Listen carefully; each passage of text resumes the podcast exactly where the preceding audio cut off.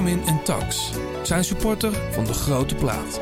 Never stop cycling. I'm driving home for Christmas. Oh, Ja, John, hoe is het? Goed. Wel een tijdje geleden alweer. Ja, De donkere dagen staan voor de deur. En wat we dan, eh, inmiddels is het toch een beetje traditie, wat we dan doen, dan gaan we kerstborrelen. Of kerstbrunchen. Het is eigenlijk nog veel te vroeg voor. Nou, brunchen zou nog net, nou, zou nog net kunnen. we hebben geen wijn op tafel. Nee, nog niet. Ehm, vandaag de allereerste kerstbrunch eh, met een hele bijzondere gast. eh, die grote plannen in de tijdrit heeft. Want hij komt hier binnen op een hele fijne tijdritfiets. Is voor het eerst? Voor het eerst dat iemand op een tijdritfiets Ja. komt, ja. Eh, weet je nog, de laatste tijdrit in de Vuelta, slotrit? Ja, zeker. Ja, man.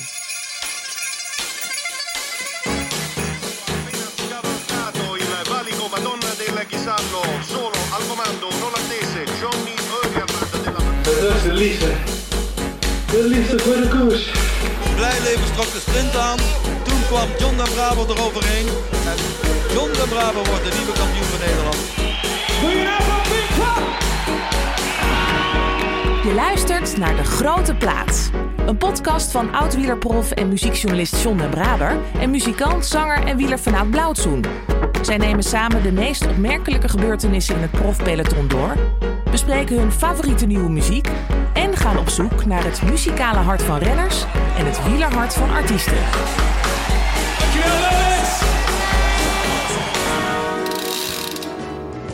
Onze gast reed dit jaar zijn eerste volwaardige jaar bij de profs. Tenminste, volwaardig, toch? Hij is 1,90 meter, maar rijdt bergop als een Colombiaanse klimgeit. Nog niet heel lang geleden werd hij tweede in de Tour de l'Avenir achter ene Bocaccia. Hij werd derde in Parijs-Roubaix bij de belofte. En dit jaar, ik noemde het net al, verraste hij of nou, was het echt een verrassing? Ja, toch wel. Ehm, met zijn derde plek in de afsluitende tijdrit in Santiago de Compostela in de Vuelta. Welkom, Tijmen Arendsman. Ja, dankjewel. Leuk dat ik hier mag zijn. Om de hoek voor jou eigenlijk. Ja, het is eh, niet heel ver voor mij inderdaad. Wat zou het zijn? 35, 37 kilometer. Dus eh, ja, eh, er stond ook een tijdrittraining op de planning. Dus ik dacht, ja, waarom niet? Met een ommetje hier gekomen, denk ik. Ja, ehm 2,5 uur. Dus op een tijdritfiets gaat de, gaan de kilometers hard. Dus iets meer kilometer al van tevoren gedaan. Zodat ik ja, na deze podcast eh, zo snel mogelijk naar huis kan. Ik, ik zei, het is fris toen ik net de deur opende. Maar jij zegt, hoezo? Het is, het is gewoon Nederland. Ik vind het echt koud om te fietsen nu. Maar jij hebt daar vanochtend niet aan gedacht. Nee, ja, het is november in Nederland. Je stelt je jezelf een beetje op in. En ehm, ja, als je gewoon lekker doorfietst, dan heb je het ook eh, lekker warm. Dus komt goed. Ja, ik, ik wou zeggen, eh, heb jij vakantie nu? Maar nee dus, want je bent gewoon alweer aan het werk. Je bent aan, aan het trainen. Ja, ik denk dat ik nu alweer... Dit, dit is al misschien de derde trainingsweek. Dus ehm, ja, gaat lekker eigenlijk. Ja. Ik eh, ben weer blij om weer te fietsen. Ja. Heb, heb jij de kerstversieringen thuis al klaarstaan? Of, of hangt, hangt, hangt er al iets? Of ben jij daar niet zo van? Nee, thuis zijn we niet heel erg van de kerst. Dus ehm, er zal vast wel iets van een kerstboom komen. Maar eh, nu nog niet. Zo enthousiast zijn, enthousiast Nee, zijn het is, niet. het is vroeg. Hè? De Sinterklaas is net in het land. Of juist niet. Volgens mij is hij Ja, om- net wel. Volgens mij zaterdag is hij aangekomen. Ja, ik dacht dat hij weer terug was, omdat het... Het koud was. Nee, ik dacht iets met corona. Of, ik, of heb ik dat nou gemist? Ik weet het niet. Nee, ze hadden hem, eh, hij kwam een uur eerder aan, geloof ik. Hij had de wind mee. Dus dat het niet zo druk was. Ah ja, ik volg dat helemaal niet meer. hey, hey Tijmen, even serieuze zaken. Die, die, die uitslag hè, van die laatste tijdrit in de Vuelta, de slotrit. Heb je die nog wel eens teruggekeken? De tijdrit teruggekeken. Ja, of de uitslag teruggekeken? Ehm, nou ja, ik hoor het natuurlijk wel eh, ook wat van veel mensen. Ik hoor het ook weer van jullie natuurlijk. Dus ehm, ja, ehm, gewoon een hele mooie uitslag, denk ik. En eh, niet iedereen had dat eh, verwacht. Maar ja, het is natuurlijk een hele mooie uitslag. En vooral omdat het ja, de 21ste etappe is in de grote ronde. En dan Ja, op 21 jaar leeftijd is dat misschien ook mooi voor de toekomst. Ik wou net zeggen, Roglic wint daar. En die wint ook de Vuelta. Maar die, die eh, finisht 14 seconden sneller dan eh, Magnus Kort. Was eigenlijk ook een beetje de man van de Vuelta. En dan sta jij er ineens tussen op 52 seconden. Je laat achter je Jozef Czerny, Chet Haga, je teamgenoot. Egan Bernal, eh Grooschartner, Kruiswijk, Erik Mas, die finish daar op, eh, wat is het, 2 minuten 4. Dus ja, je houdt die grote jongens een stuk achter je. En dat na drie weken koers. Ja, inderdaad. Hartstikke mooi toch? wat dacht je toen? Toen je, toen, je, toen je dacht, shit, ik word hier echt gewoon derde. Is dat dan een mijlpaal? Zit hier trouwens een vlieg in, eh, in- de studio. Eh, laten we die zijn gang gaan, John? Of ben jij heel snel met... eh, Nee, ik, ik wacht wel even af. Of, of geloof jij niet in vliegen doodslaan? Dat mag natuurlijk ook, hè? Tijmen, heb jij daar problemen mee? Scherp, John, maar niet helemaal. Deze is toch... Ik denk dat ik ook een beetje stink, dus hij komt op me af. Oh, hij komt op jou af. Nee. Hey, Ja, ehm, maar, maar, met- maar, maar die tijdrit, hè, was dat iets wat je van tevoren al had gepland? Ik wil daar gewoon echt een keer kijken wat ik uit mezelf kan halen. Ehm, eigenlijk eh, elke tijd ga ik zo wel in. Ik wil mezelf gewoon zo breed mogelijk ontwikkelen. En tijdrijden hoort daar ook bij. Dus ja, als ik de mogelijkheid krijg van het team, dan natuurlijk ga je volle bak in een tijdrit. En dan kijk je wel waar het schip strandt. En eh, ja, die dag was dat dus de derde plek. Ja. hey, klopt het nou dat jij eigenlijk pas sinds twee jaar je, je fiets zelf schoonmaakt? Dat klopt. Echt, hè?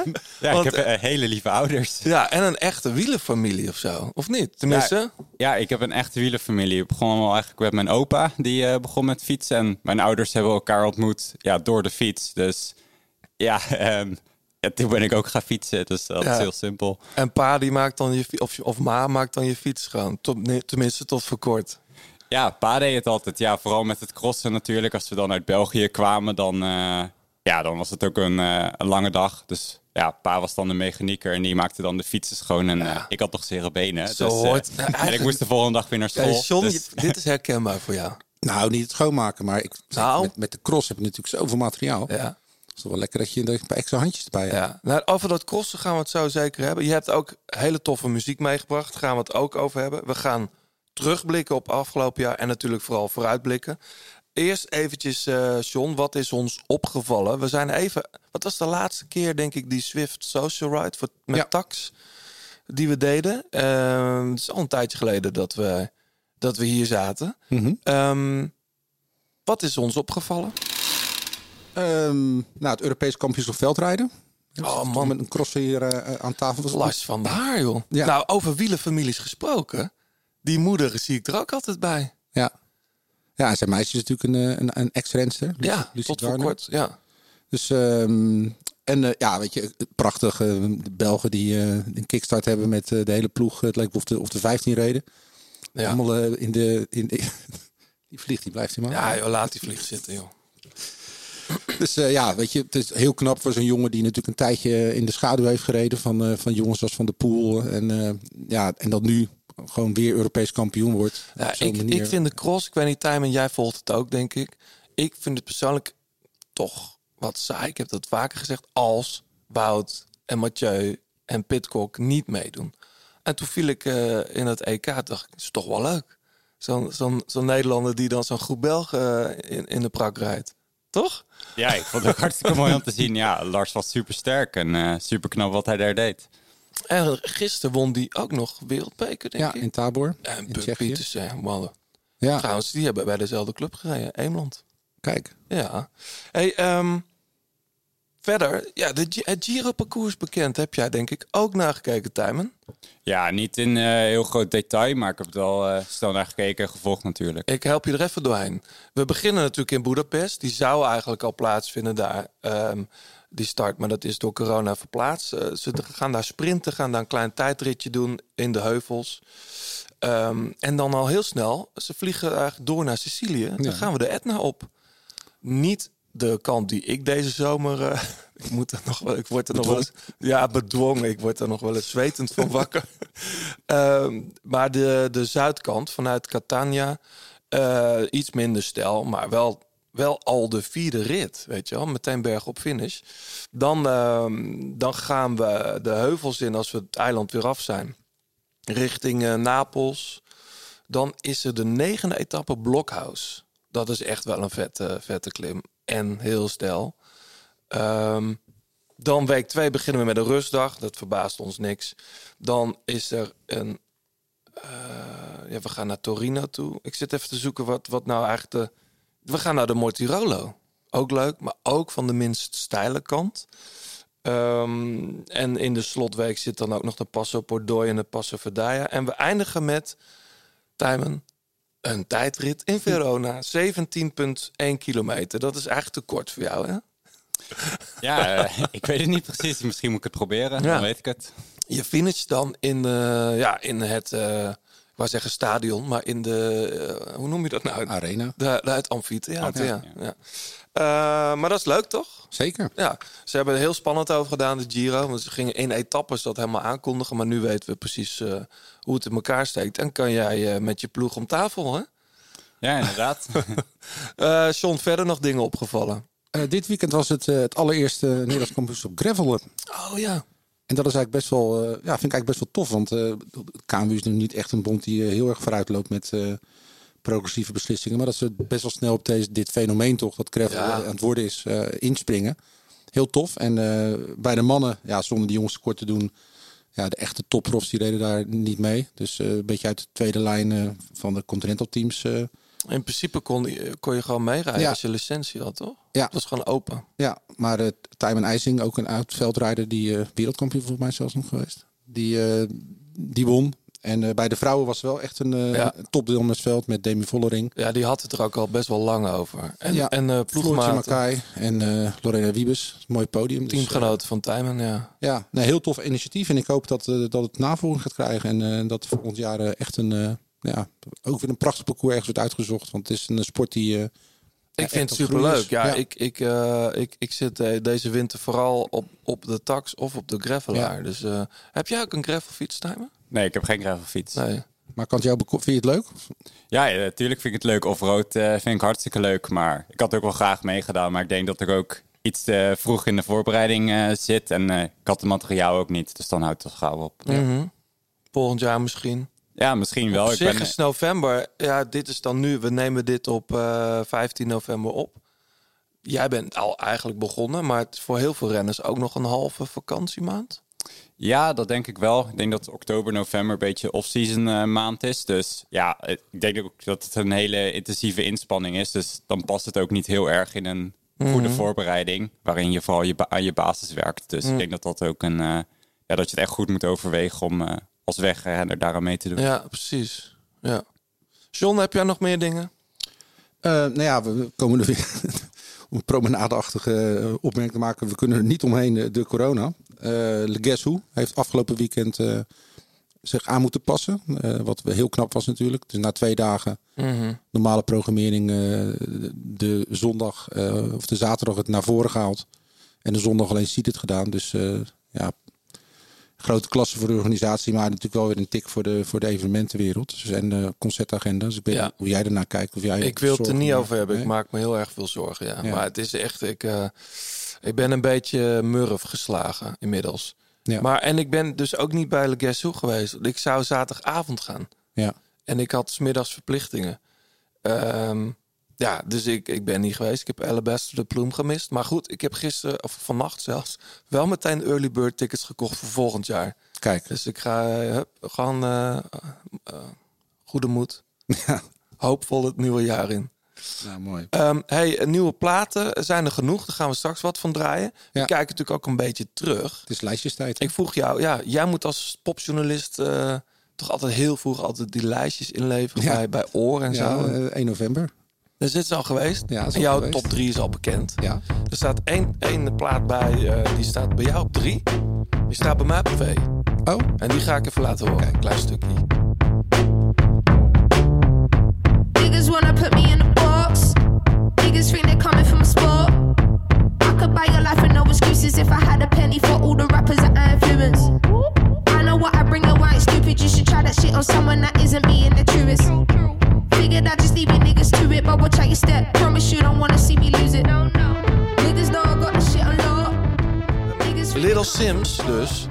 Eh, ja, toch een van de mooiste platen van het jaar, denk ik, John. zeker. Ja. Hey, ehm, de reacties voordat we verder gaan. Want timen doen we altijd en dan gaan we met jou verder. De reacties. Ja, we kregen naar aanleiding van de, van de podcast eh, Ride, eh, de Swift Social Ride die we hebben ge- gehad, heel veel leuke reacties. Maar ook mensen die gewoon onze podcast luisteren. Of, of misschien zelfs wel die Social Ride eh, special met andere sporten. Zoals Peter V- Venrooy. Die, Ja. die heeft hem geluisterd tijdens de mountainbike in Schorel. Ik was blij dat het heel erg slecht weer was, want dan kon het geluid wat harder. Normaal niet verstandig vanwege andere gebruikers die je kunnen inhalen.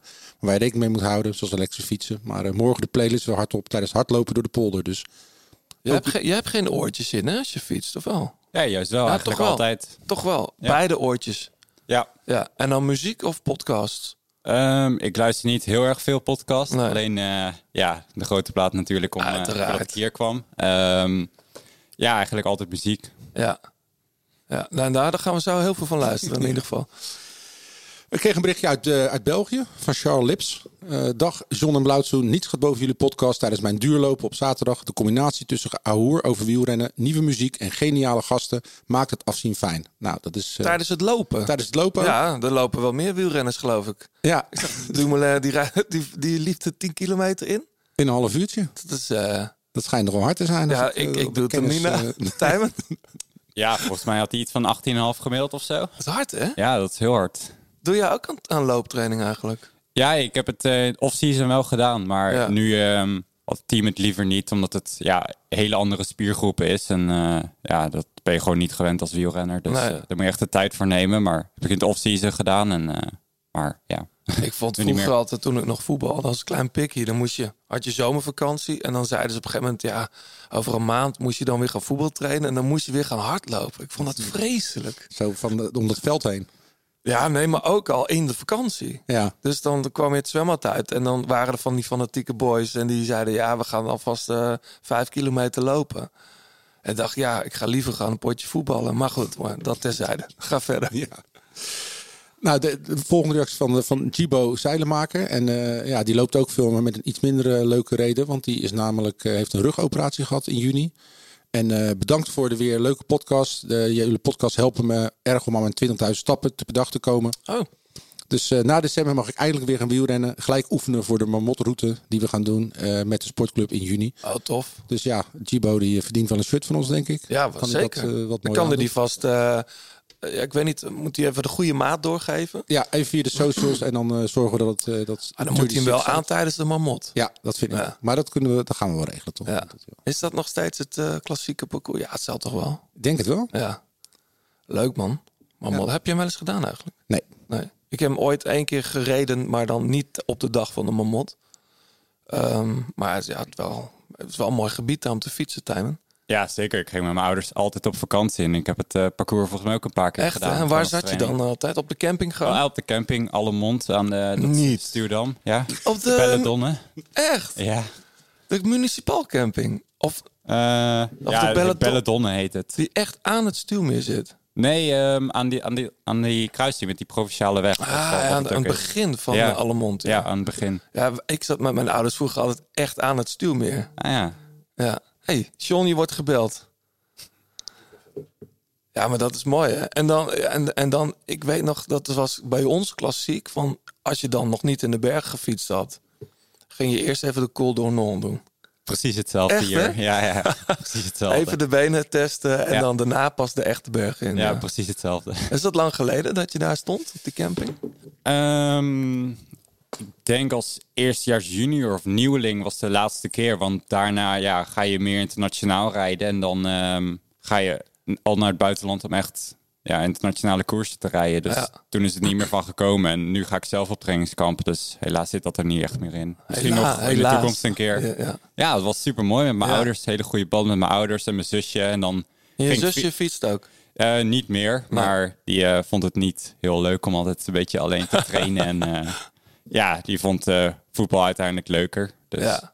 Hey John, was jij trouwens klaar met de reacties? Ja, Oké, dus het shirt gaat naar Gibo. Chibo. Je luistert nog steeds naar De Grote Plaat. Heb je tips of heb je een vraag? Laat het dan weten via Twitter, het Grote Plaat of Instagram. En laat een reactie en een beoordeling achter op Apple Podcast. Hey Tijmen, nogmaals eh, welkom. Ehm, winst in het jongerenklassement in de Ronde van Romandie dit jaar. Is dat, is dat nou... Ik kan, ik kan dat nooit zo goed inschatten. Is dat nou voor een renner? Is dat vet? Of is dat... Ja, hoe, hoe is dat eigenlijk? Of is dat zo van... Ja, dat, was, dat is nou eenmaal zo. Ja, eh tuurlijk is het hartstikke leuk. Ehm, beste jongeren in een World Tour koers. World Tour zijn altijd eh, super hoog niveau. En ook vooral het deelnemersveld daar zo. Dus dan is het gewoon ja, ook mooi dat ik sowieso volgens mij elfde in het klassement daar zo werd. Eh, net achter Wilco. Dus ja, dat was gewoon eh, ook een hartstikke mooie prestatie, denk ik. En, eh, Ben je daar er kan ik- trots op? Ja, zeker. Ehm, ja, het was gewoon sowieso een, eh, een goede week van, van mezelf. En eh, weer een stap gezet in die week. En eh, weer wat ervaring opgedaan. Dus eh, daar kan ik weer verder mee. Maar het is voor wielrenners sowieso leuk om in een trui te rijden. Dat is voor iedere wielrenner vindt dat tof. Ja, maar je pakt hem pas in het laatste ding, of heb je er ook Ja, ik pakte hem in de koningin-etappe. Ja. Dus ik heb de tijdrit er wel in, Ja, eh, precies. ingereden. Ja. ja. Maar heb jij, heb jij ook nog jongere trui, eh, truitjes hangen, John? Ik heb van alles hangen. Maar ook, ja, ook jongere... Bolletjes truien, groene trui, gele trui, blauwe trui. Ja, het is, als Was, je, die- is die een rom, roman die ook wit? Nee, toch? Ja, hij was wit, met, maar met eh, ja, vooral rood, maar dan met witte accenten. Oh ja. ja. Maar wel te gek, toch? Ja, ja zeker. Ja. Was, eh, Is dat een leuk. van de hoogtepunten dit jaar? Ja, wel een van de, denk ik. Ja. Naast die tijdrit in de Vuelta. Ja, ik denk vooral meer de, de gehele Vuelta, hoe we daar als team hebben gereden. Ehm, wat ik daar heb kunnen doen voor het team en de resultaten die we daar hebben, hebben, ja, hebben gehaald. Dat was eh, ook een, echt een hele mooie ervaring. Maar sowieso het hele jaar is een eh, hele mooie leerschool geweest. Weer wat sterker geworden. Dus Eigenlijk, dat zei Eigenlijk. ik al, je eerste profjaar. Want je begon natuurlijk in dat gekke coronajaar in augustus of zo. Ja, ik ben ook echt officieel prof geworden 1 augustus. Dus eigenlijk perfecte timing, niks gemist. Nee, hè? En meteen mogen, starten in de Vuelta toen. Daar gaan we het zo nog over hebben. Het schijnt, en dat, of schijnt, dat is gewoon een feit. eh, toen jij bij de ploeg kwam, eh daar worden natuurlijk altijd van die 20 minuten testen gedaan. Eh, ja, je begint al te lachen. Dat was de beste test ooit gemeten. Ja, was, is dat nog steeds zo? Want je hebt inmiddels wel weer een 20 minuten test gedaan.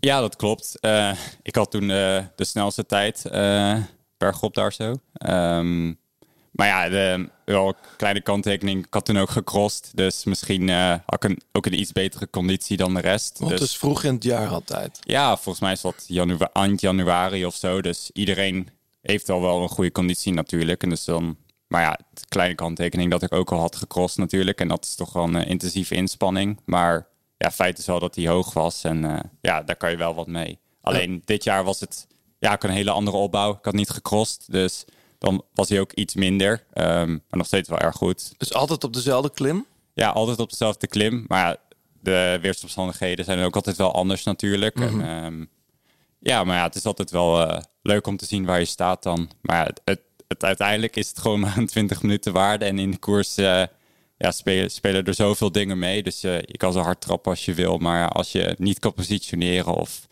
wat, wat, eh, whatever, dan Ja. kom je er ook niet. Maar even voor de duidelijkheid. Dus het, elk jaar bij jullie ploeg doen ze ongeveer hetzelfde, hetzelfde tijdstip. Doen ze met alle renners die test.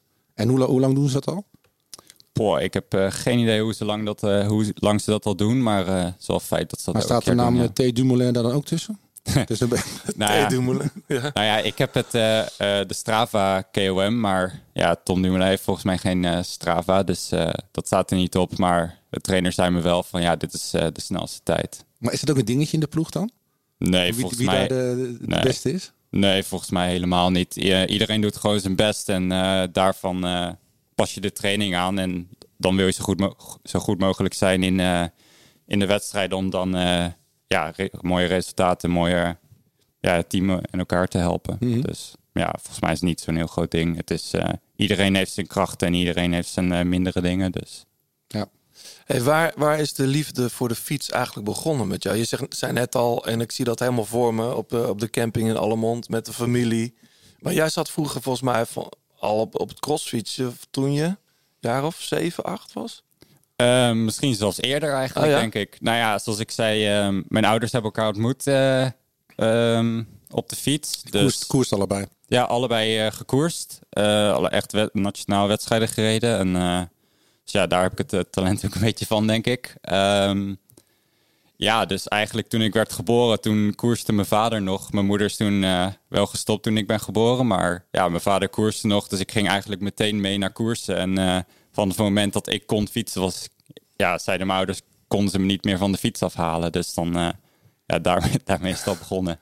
Ja, en bij de Betouwers begonnen. Dat is in Tiel, toch? Ja, klopt. Ja, ik ken, het, ik ken het shirtje van vroeger, omdat mijn broer, die bij mij ook in de band speelde, ook, ook fietst en een neef.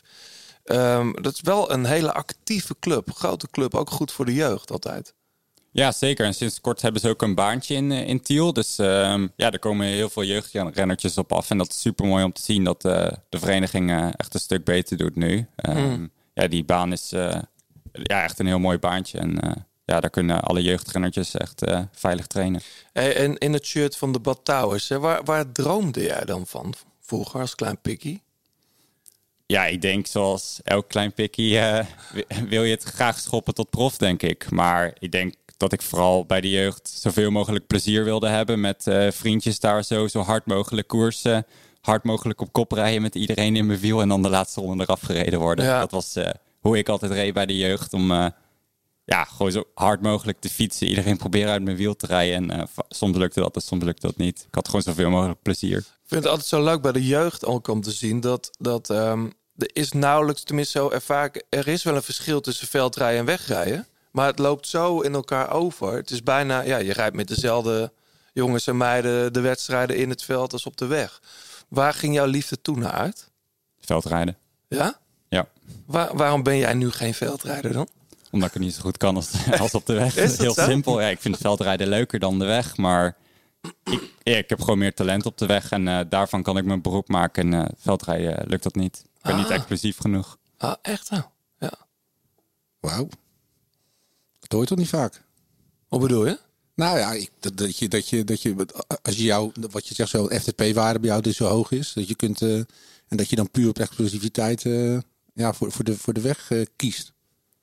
Ja, ja, nou ja, het is ook vooral zo in eh, vooral Belgische crossen. Het is super veel draaien en keren van de fiets af. En eh, ja, aanzetten naar de bochtjes. Ja, en dan verlies ik gewoon veel te veel. Dat, maar als er bijvoorbeeld een cross is met hele lange rechte stukken. Of ik heb bijvoorbeeld ook de Koppenberg cross gewonnen. Als er veel hoogteverschil in zit. Ja, dan zou ik misschien van voren mee kunnen doen. Maar ja, ehm, als het echt pure cross is, zou ik maar even zeggen. Zoals een Belgische cross is, dan eh, heb ik geen schijn van kans. Misschien een gekke vraag, maar speelt je lengte dan ook in je nadeel? Met dat veel draaien en keren? Ja, dat denk ik wel. Ehm, als je bijvoorbeeld Elise Wiet ziet of Lars van der Haar, hoe die door de bochtjes Ja. gaan, dat is, eh, dat is bizar. Heel veel Ja. respect voor. Ja. Hey, ehm, wat ik al zei, hè, je eerste volwaardige profjaar. Je debuteert bij eh, Team Sunweb vorig jaar, eh, zegt het goed? Ja, 2020. In die Vuelta, en daar is al veel over gesproken, eh, over die derde plaats in die, in die rit met Wellens. Je bent twee keer in de kopgroep. In de Vuelta maak je echt een, echt een enorme indruk op iedereen. Die heeft zoiets van, wat de fuck, wie is dat? Tijdens Aresman, het hele peloton dacht dat ook. Wellens sprak zelfs eh, in de kopgroep Engels tegen je in het begin. Ja. Ja. Ehm, je rijdt vervolgens heel goed, hele goede eh, luik ook. In dienst van Hirschi en ik denk ook van Ties, Ja. Ties Benoot. Je bent nu een jaar verder. Heb jij bijgeleerd? Ja, zeker. Ik denk, je blijft leren. Ehm, ja, zelfs als eh, een 30-jarige renner. Ik denk dat je elke dag bijleert en ook bij moet leren. Want het wielrennen evolueert natuurlijk ook. Maar ja, ik probeer wel elk jaar een stapje te zetten. En ja, rustig aan stapjes te blijven zetten. En dan fysiek, maar ook vooral mentaal. En daar blijf je van iedereen eh, heel veel leren. En vooral bijvoorbeeld van eh Romain Bardet kan ik heel veel leren. Ja? Dat was ik al benieuwd naar. Ja, zo'n zo'n Romain Bardet is ooit... Was hij nou tweede, derde in de Tour? Allebei. Allebei, hè? Tweede en derde, Ja. denk ik. Ehm, wat, wat betekent zo'n renner dan voor jou in die ploeg?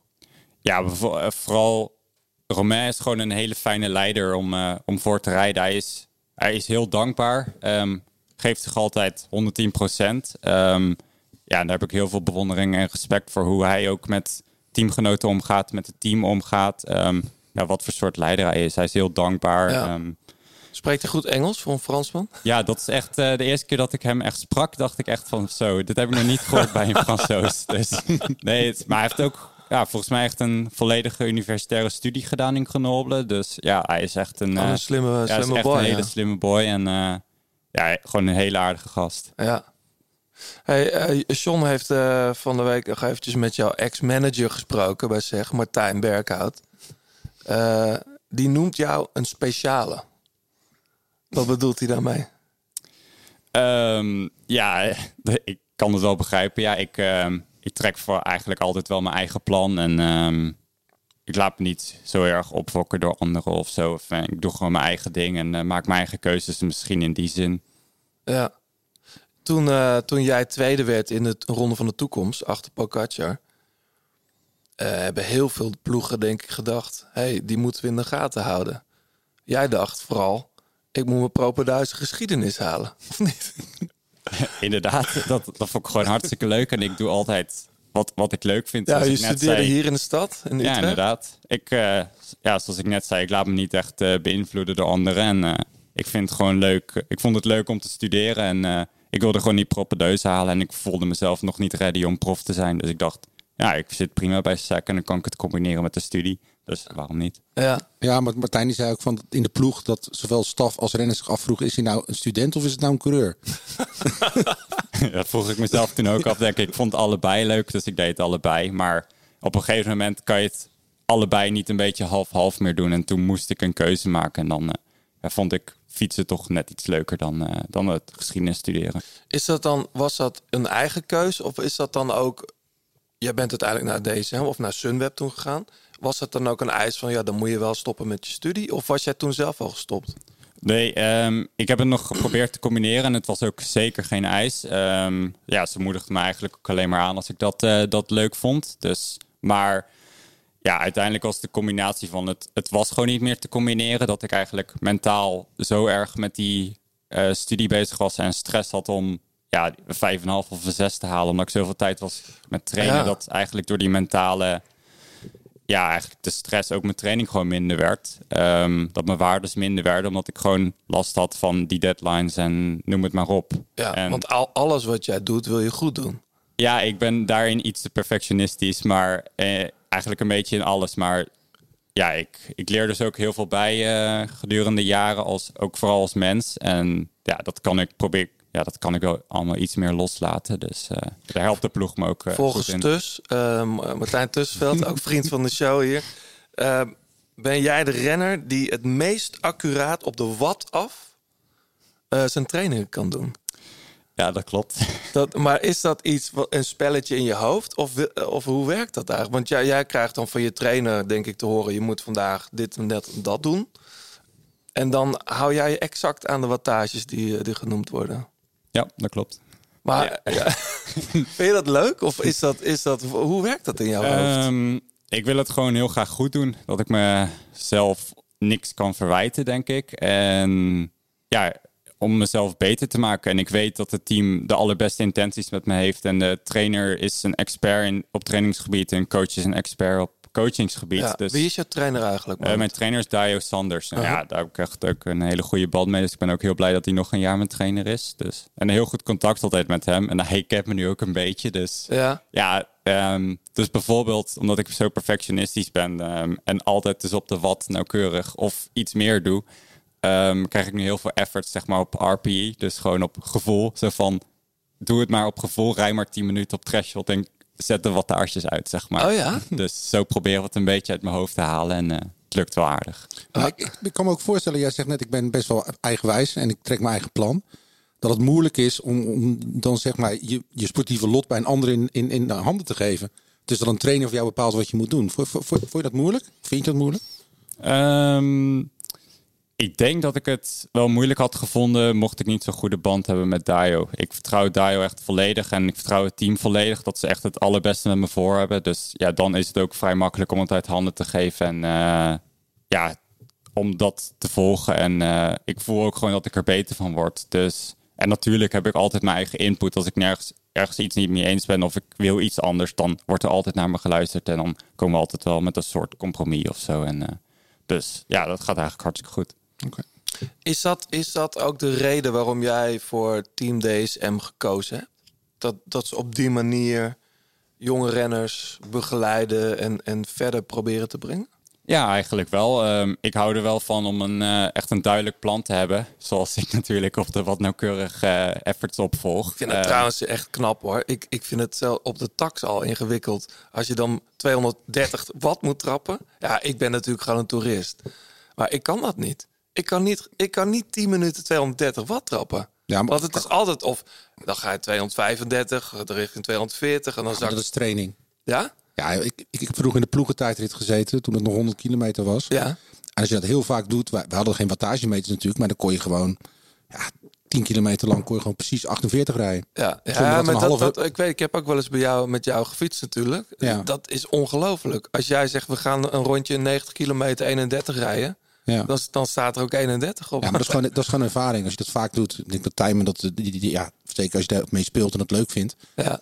dan, dan voel je op een gegeven moment precies van, eh, dit is de druk die ik moet houden. Ah, Eh, ja. dat, eh, En dat, en dat gewoon dat, dat freewheelen dan op threshold rijden, 10 minuten. Eh, dan kijk je achteraf natuurlijk wel hoe dat zit. Ja, tuurlijk ga je het dan analyseren. En eh, in het begin had ik het daar echt wel lastig mee. Dat ik misschien te hard startte vaak en dan iets veden, zeg maar. Dat ik iets eh, langzamer eindigde. Maar eigenlijk gaat dat nu hartstikke goed. En daar heb je natuurlijk ook veel aan met, met tijdritten en zo. Ja. Als je dat echt ja, je volledig kapot moet rijden, volledig moet pacen, dan daar heb je wel veel aan. Hey, je bent hier nu op je tijdritfiets. Prachtige Scott. Daar zitten niet de wielen in eh, die je normaal in de wedstrijd eh, gebruikt. Ehm, ben jij meer gaan, gaan trainen op die tijdritfiets? Ehm, ik heb er in 2020 wel heel veel op gereden. Ehm, en ik probeer ook zeker veel op te rijden. Maar ja, helaas dit jaar, ik denk eh, vooral door leveringen met eh, corona natuurlijk. Overal is de pandemie. ehm, was er maar één tijdritfiets beschikbaar. Dus die stond op servicekoers. En eh, in Dat top, was je, je voor... wedstrijdfiets eigenlijk. ja, dat, ja, dit is ook mijn wedstrijdfiets. Oh, echt? Dus Ja. die mag, mag ik nu even thuis hebben. Maar ik, volgens mij had het team maar één tijdritfiets door die leveringen met corona. Ik denk, ieder team heeft, had natuurlijk wel wat. Dus voor iedereen vervelend natuurlijk, Ja. De pandemie. Dus eh, ik had geen tijdritfiets thuis om te trainen. Dus daarom ben ik nu ook al heel veel uren op aan het maken. hè. En eh, ja, misschien eh, hopelijk betaalt dat zich uit volgend jaar. Ja. Hey, we, gaan, eh, we gaan heel even naar muziek. Ehm John, jij hebt dit meegenomen. De grote plaat kopgroep.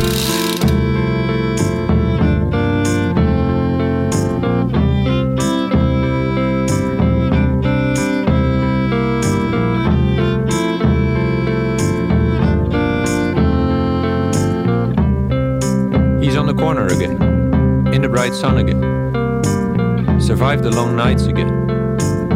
Time to explain. He's a fool, but he is right. He is right, but he's a fool. Don't expect too much of it, he whispers, and he yells.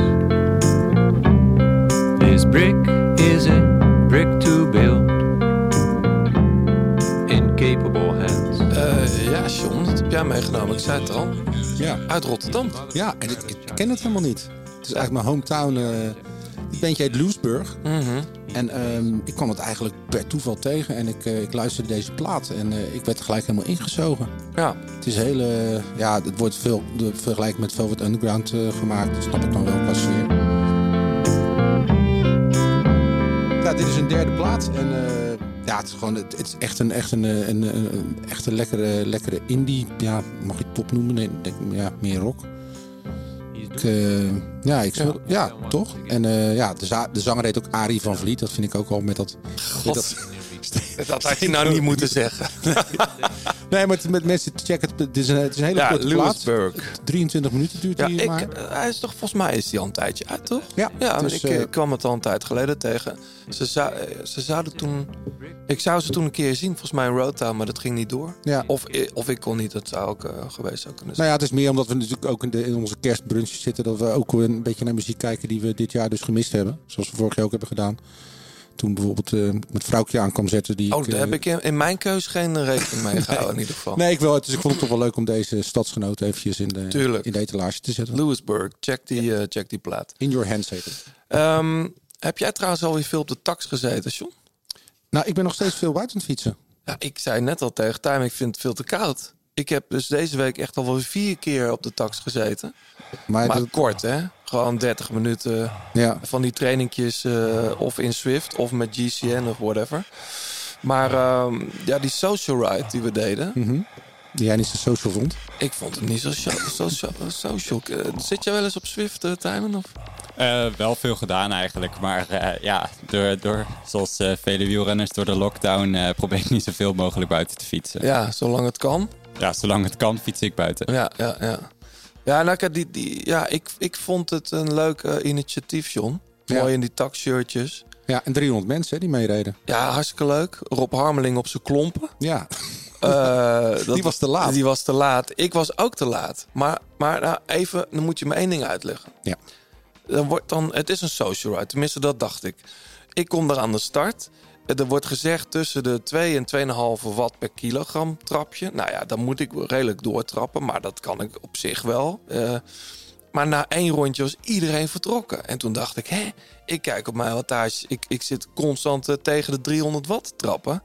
Dat is toch niet het idee? Of, of wordt er gesjoemeld met het lichaamsgewicht? nou, ik denk het alles in- een klein beetje. Oh, ja, ik dacht echt, wat is hier nou social aan? Ik heb de hele, ik ben na een half uur ook afgestapt. Ik Ja. had zoiets, flikker maar op met z'n allen.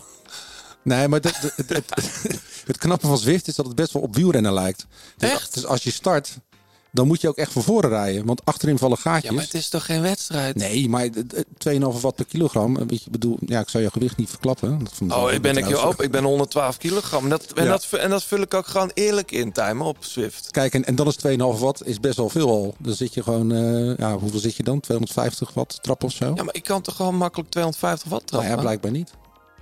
Want je was er heel snel vanaf. Nee, maar dat klopt. Als je naar mijn wattages kijkt, die Ja. ik heb gefietst, klopt het wel. Dus ik vertrouw de rest van het peloton niet. Ja. Op basis van, eh, ik ben benieuwd, laten we zo zeggen. Stel dat we ooit nog eens een keer zoiets doen. In januari gaan we het nog een keer doen. Echt? Zeker. Dan, dan stel ik voor dat iedereen zijn, eerlijk zijn gewicht invult op, het, op de device waar hij mee rijdt. En lengte. Dat scheelt ook nog. Oh ja? Ja, ja aerodynamica is heel belangrijk in Swift.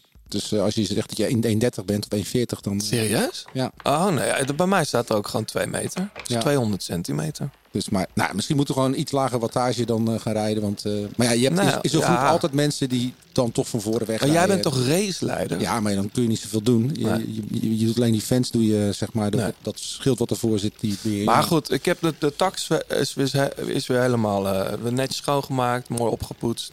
Nieuw iPadje ervoor, want die, die andere was. Een nieuwe koptelefoon ook trouwens erbij. Koptelefoon? Ja, ik, mijn, mijn, mijn koptelefoon. Ik heb altijd een koptelefoon op. Echt waar? Ja, dan kan ik eh, lekker die muziek hard. En het zweten dan?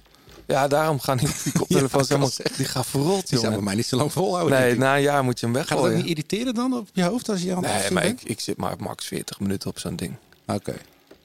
Nee, lekker. Dan, ja, ik, eh, jij doet, heb, je, heb jij geen koptelefoon op? Nee, ik heb gewoon een, een setje staan. Oh, echt? Ik heb echt zo'n paincave. Paincave. Met een schermpje en zo en uh, boxjes. Ja, goed. ehm, tot zover taxen. We gaan dus, eh, we blijven taxen deze, deze winter. Ehm, voor de mensen die denken, hey, eh, ik, wil, ik wil ook wat meer gaan taxen of gerichter taxen. We hebben ooit met Peter Schep een hele leuke tax workout opgenomen. Een pittige. Ja, die kan je echt, die is een uurtje? Nee, minder. 40 minuten. 40 minuten. Ja.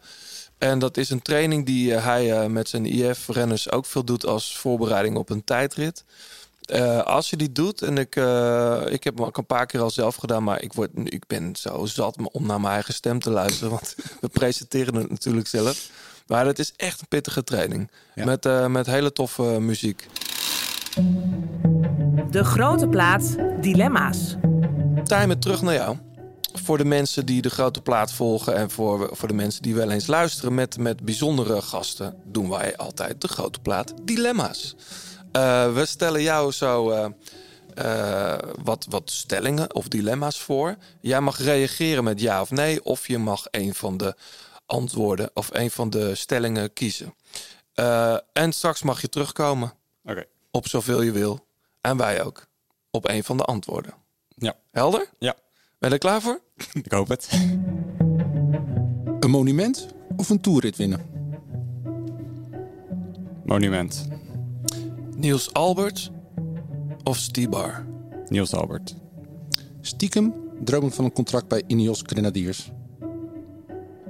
Nee. PlayStation of Netflix? PlayStation. Ze zien me nog wel eens een keer terug, terug in de cross. Mijn carrière is pas geslaagd met een podiumplek in het eindklassement van een grote ronde. Nee. Iwan Spekenbrink is voor mij de perfecte ploegmanager. Ja. Als ik klaar ben als renner, ga ik alsnog mijn bachelor geschiedenis halen. Ja, kleine twijfel, ja. Ik mis Wilco Kelderman nog elke dag bij ons team. Ah, niet elke dag, maar mis hem wel. ja, Een nieuwe fiets of een oude Volvo? oude Volvo. Zonder mij in de kopgroep wint Tim Wellens nooit meer een rit. Ja. Etappenwinst in een grote ronde. Dat zou dan moeten zijn of een, eh, een, een etappe over een Alpenkol of in een tijdrit. Alpenkol of tijdrit? Tijdrit. Over twee jaar ben ik beter dan de hele top 10 uit de Tour de l'Avenir van 2018. Nee. Ilan van Wilder is het grootste talent waarbij ik in de ploeg heb gezeten. Ja. Beest of Dijl? Del. Wil je nog ergens op terugkomen? Ehm, nou ja, ik, eh, ik heb ook kleine nuances gemaakt natuurlijk Ja. in mijn antwoorden. Het zijn natuurlijk eh, dilemma's. Maar ja, dus het staan misschien nergens echt er eh 100% ja of nee eh, achter natuurlijk. Nou, die maar, oude Volvo was wel heel snel. Ja. ik begrijp van, ik begrijp van, van renners met, wie je wel eens traint... dat jij eigenlijk alleen maar oog hebt voor oude Volvo's als je aan het fietsen bent. Nou, niet per se oude Volvo's. Oh. Want eh, de nieuwe generatie eh, Volvo's, waar de ploeg bijvoorbeeld mee rijdt. Mhm. eh, hele mooie sponsor. Ja, Ja. Volvo. Ehm, vind ik super mooi. En Ja. ik ben eigenlijk ook wel aan, stiekem aan het dromen van een nieuwe Volvo. Oh, een nieuwe? Ja. Oh, ja, ik die dacht vind ik dat eigenlijk voor nog die mooier. retro Volvo's ging. Ja, zeg maar zo'n blokkendoos Volvo vind ik eigenlijk ook Ja, die heb ik heel hier, erg mooi. Die heb ik hier voor de deur staan. Ja, echt? Ja, Oh, zo'n oude, zo'n tank. Zo'n V70. Eh, nog ouder. Of zo'n oudere daarvoor. Ja. Ja, dat vind ik echt, echt mooie auto's. Gewoon Volvo, de, de veiligheid van de Volvo's, de, ja, hoe ze eruit zien, dat eh, spreekt me echt aan. Ik rij Ja. zelf ook een eh, Volvo, dus... Oh ja, wat voor Volvo rij je dan? Ik rij een V60 uit 2015. Ja, precies. Hey, ehm, Maar, maar eh, ik wil even terugkomen op die auto's. Ik zit net te denken, maar bij voetbalclubs, al die spelers krijgen altijd een auto van de ploeg. Bij wielrennen is dat helemaal niet, hè? Nee, eigenlijk helemaal niet. Ja, of ze hebben privé-sponsors. Want ik zie Ja, af en toe gewoon- Floortje Makai hier in de buurt rijden. Met een heel groot haar foto erop. En, eh, Die grote bos met krullen. ja, en dat staat... Maar dat is volgens mij... Dat moeten we een keer vragen. We moeten gewoon sowieso Floortje een keer uitnodigen. Maar volgens mij is dat dan weer een privé-sponsor of zo. Ja, ja Chantal Blaak heeft het ook. Maar, Oh ja? maar je zou toch zeggen als team dat je, dat je die renners dan ambassadeurs van je merk zijn. Maar. Vond ik eigenlijk wel een goeie. Ja. Maar goed. Hey, ik ben wel benieuwd. Ehm, Wilco Kelderman, dat was wel even een twijfel. Je mist hem niet elke dag. Nee. Maar je mist hem wel. Ja, tuurlijk. Maar ik denk dat iedereen het wel over eens is dat hij een super goede en mooie renner is. Ja. Dus ehm, ja, en ik kwam natuurlijk bij dat team. ehm, nou, de eerste keer dat ik daar was, was misschien team kwam 2019. En eh, Mhm. dan loop je daar als, was ik 19, 18 denk ik. Broekie. Ja, broekie. En dan eh, zie je daar Wilco Kelderman lopen. En eh, al die gasten, ja, dan eh, kijk je er wel een beetje naar op natuurlijk. Als ook een Nederlandse klassementsrenner, zeg maar. Als, Ja. Als toekomstig klassementsrenner. Dan, eh, ja, en dan eh, als je dan ook een paar keer met hem praat en fietst... dan heb je wel heel veel respect voor hem. Ook met al zijn valpartijen en wat hij heeft gedaan. Zo. Het doorgemaakt. En ziet hoe hij de laatste jaren nu aan het fietsen is. Dan veel respect voor. Ben jij te vergelijken met hem? Ja, misschien ergens wel. Ehm, kunnen klimmen, kunnen tijdrijden. Ehm, dus ja, als ik eh, ook maar een eh, schijntje van zijn palmares kan hebben, dan eh, zou ik daar ook wel heel blij mee zijn. Train je nog wel eens met hem? Nee, eigenlijk niet echt Heeft meer. hij wel aangeboden, toch? Ja, dat heeft hij wel aangeboden, maar we hebben niet echt, niet echt contact meer. Maar Nee. ja, het is ook prima. In het peloton ben je hem nog wel eens tegengekomen, neem ik aan. Of re- jullie rijden toch een beetje een ander programma misschien? Nou ja, Ronde van Roman, Romandie was natuurlijk super mooi. Oh ja. Ja, waarin hij mijn grootste concurrent was eh, voor die tiende plek nog. En waarop ik, ja, waar, waarmee ik eh, samen in de Koninginnenrit samen met hem over de streep ging. Ehm, ja, dat was super mooi. Maar voor de rest, ja, hij heeft de Tour natuurlijk volgens mij gereden. Ik weet niet heel 100%. Ja, hij heeft de Tour gereden. Ja. Dus, en ik ging naar de Vuelta. Dus tijdens de Tour was ik op hoogtestage. Dus dan eh, verder hebben we die samen niet gekoerst. Nee. Maar is, is, is, een, is een grote ronde iets waar jij echt van droomt? Is- Is dat dan echt een ambitie voor je? Om echt in die grote rondes. Want ik kan me voorstellen, een hoop renners die hebben het geprobeerd. Bijvoorbeeld een, Geesink, dat was een beoogd toerwinnaar. En die op eigenlijk zeggen van nou eigenlijk zou ik me wel veel prettiger voelen inderdaad in rondes zoals Romandie. Om daar gewoon voor de eindwinst te gaan. Ehm, nou ja, als je gewoon puur kijkt naar de Vuelta van dit jaar, de derde week was eigenlijk mijn beste week. Ehm, ja, dat hebben we nu ook gezien dat ik gewoon superveel lood aan kan, zeg maar. Eh superveel training aan kan, superveel... ehm ja, mijn lichaam kan gewoon heel veel aan en herstelt snel. Dus de grote rondes liggen me gewoon het, het beste. En ja, misschien kunnen we daar in de toekomst een eh, echt doelen van, eh, van maken. Maar ja, en ja, weekkoersen zijn natuurlijk ook, ook zwaar genoeg voor mij, denk ik, om goed te presteren. Dat zie ik ook, zie je ook in Romandie. En bijvoorbeeld Catalonië heb ik ook goed gereden. Dus ja, zien vanzelf wel. Ja. Hey, ehm, is best wel wat gedoe geweest. In de media vooral. Want we hadden het er vorig jaar al over. Eh, Team DSM ligt onder een vergrootglas. Weet je wel, het is de plo- ploeg van de protocollen.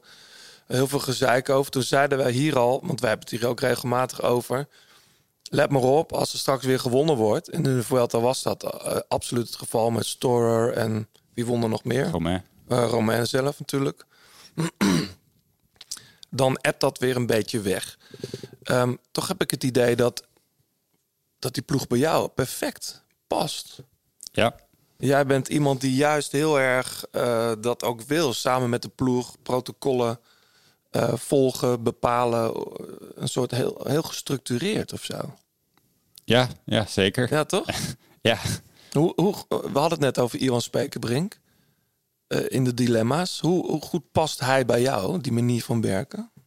Nou ja, we zien eh, als renners zien we Iwan niet heel veel. Hij doet natuurlijk superveel op de achtergrond en daarbij ook nog eh, heel veel voor de sport sowieso. Ehm, maar bijvoorbeeld op teamkamp zien we hem wel. En ehm, ja, hij kan dan heel goed de filosofie van, de, van het team gewoon brengen in een meeting. En waar we voor staan en wat we willen bereiken. Dat we ja, met z'n allen willen samenwerken om het beste uit onszelf te halen. En eh, ja, dat, in die eh, zin kan hij heel, heel goed een team smeden, heel goed verbinden. En ik weet natuurlijk niet allemaal wat hij doet achter de schermen, maar Nee.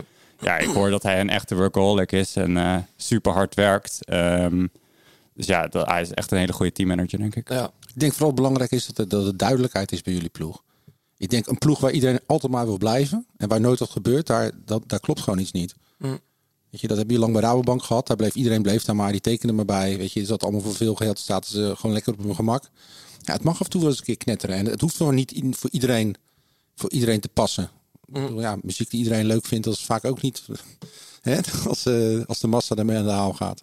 Ja, Dus ik, ja, dus ik vind het eigenlijk best wel, best wel, eh, best wel een goed teken. Dat, eh, dat het wel, wel voor sommige renners perfect past en voor anderen juist helemaal niet in die, na, na een jaar achterkomen. Want daar gaat het natuurlijk uiteindelijk om dat heel veel renners natuurlijk ook zeggen na een paar jaar van nou, het is toch niet mijn ding. Nee.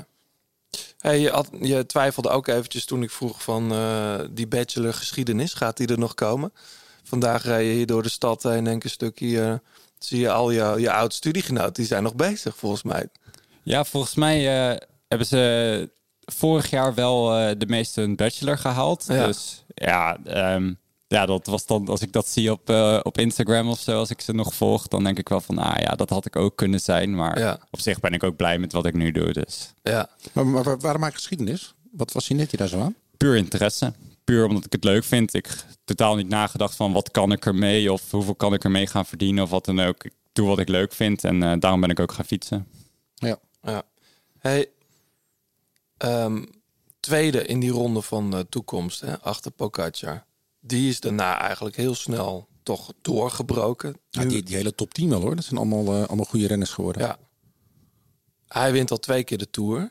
Heb jij, heb jij, doordat je nog even bent blijven studeren, heb jij, ehm, nee, moet ik het anders zeggen? Hij is iets ouder dan jij bent. hè? Eén jaar. Een, een jaartje. Had jij kunnen staan op het niveau waar hij nu staat, als jij toen al was gestopt met je studie? Nou, ik denk niet dat mijn studie daar echt iets mee, mee heeft te maken. Maar, en het is ook natuurlijk een als-vraag. Dus, Zeker, maar Ja, dan vind ik het wel ehm, interessant. Ik ben benieuwd hoe je daar zelf naar kijkt. Want je vraagt je dat misschien wel eens Ehm, af.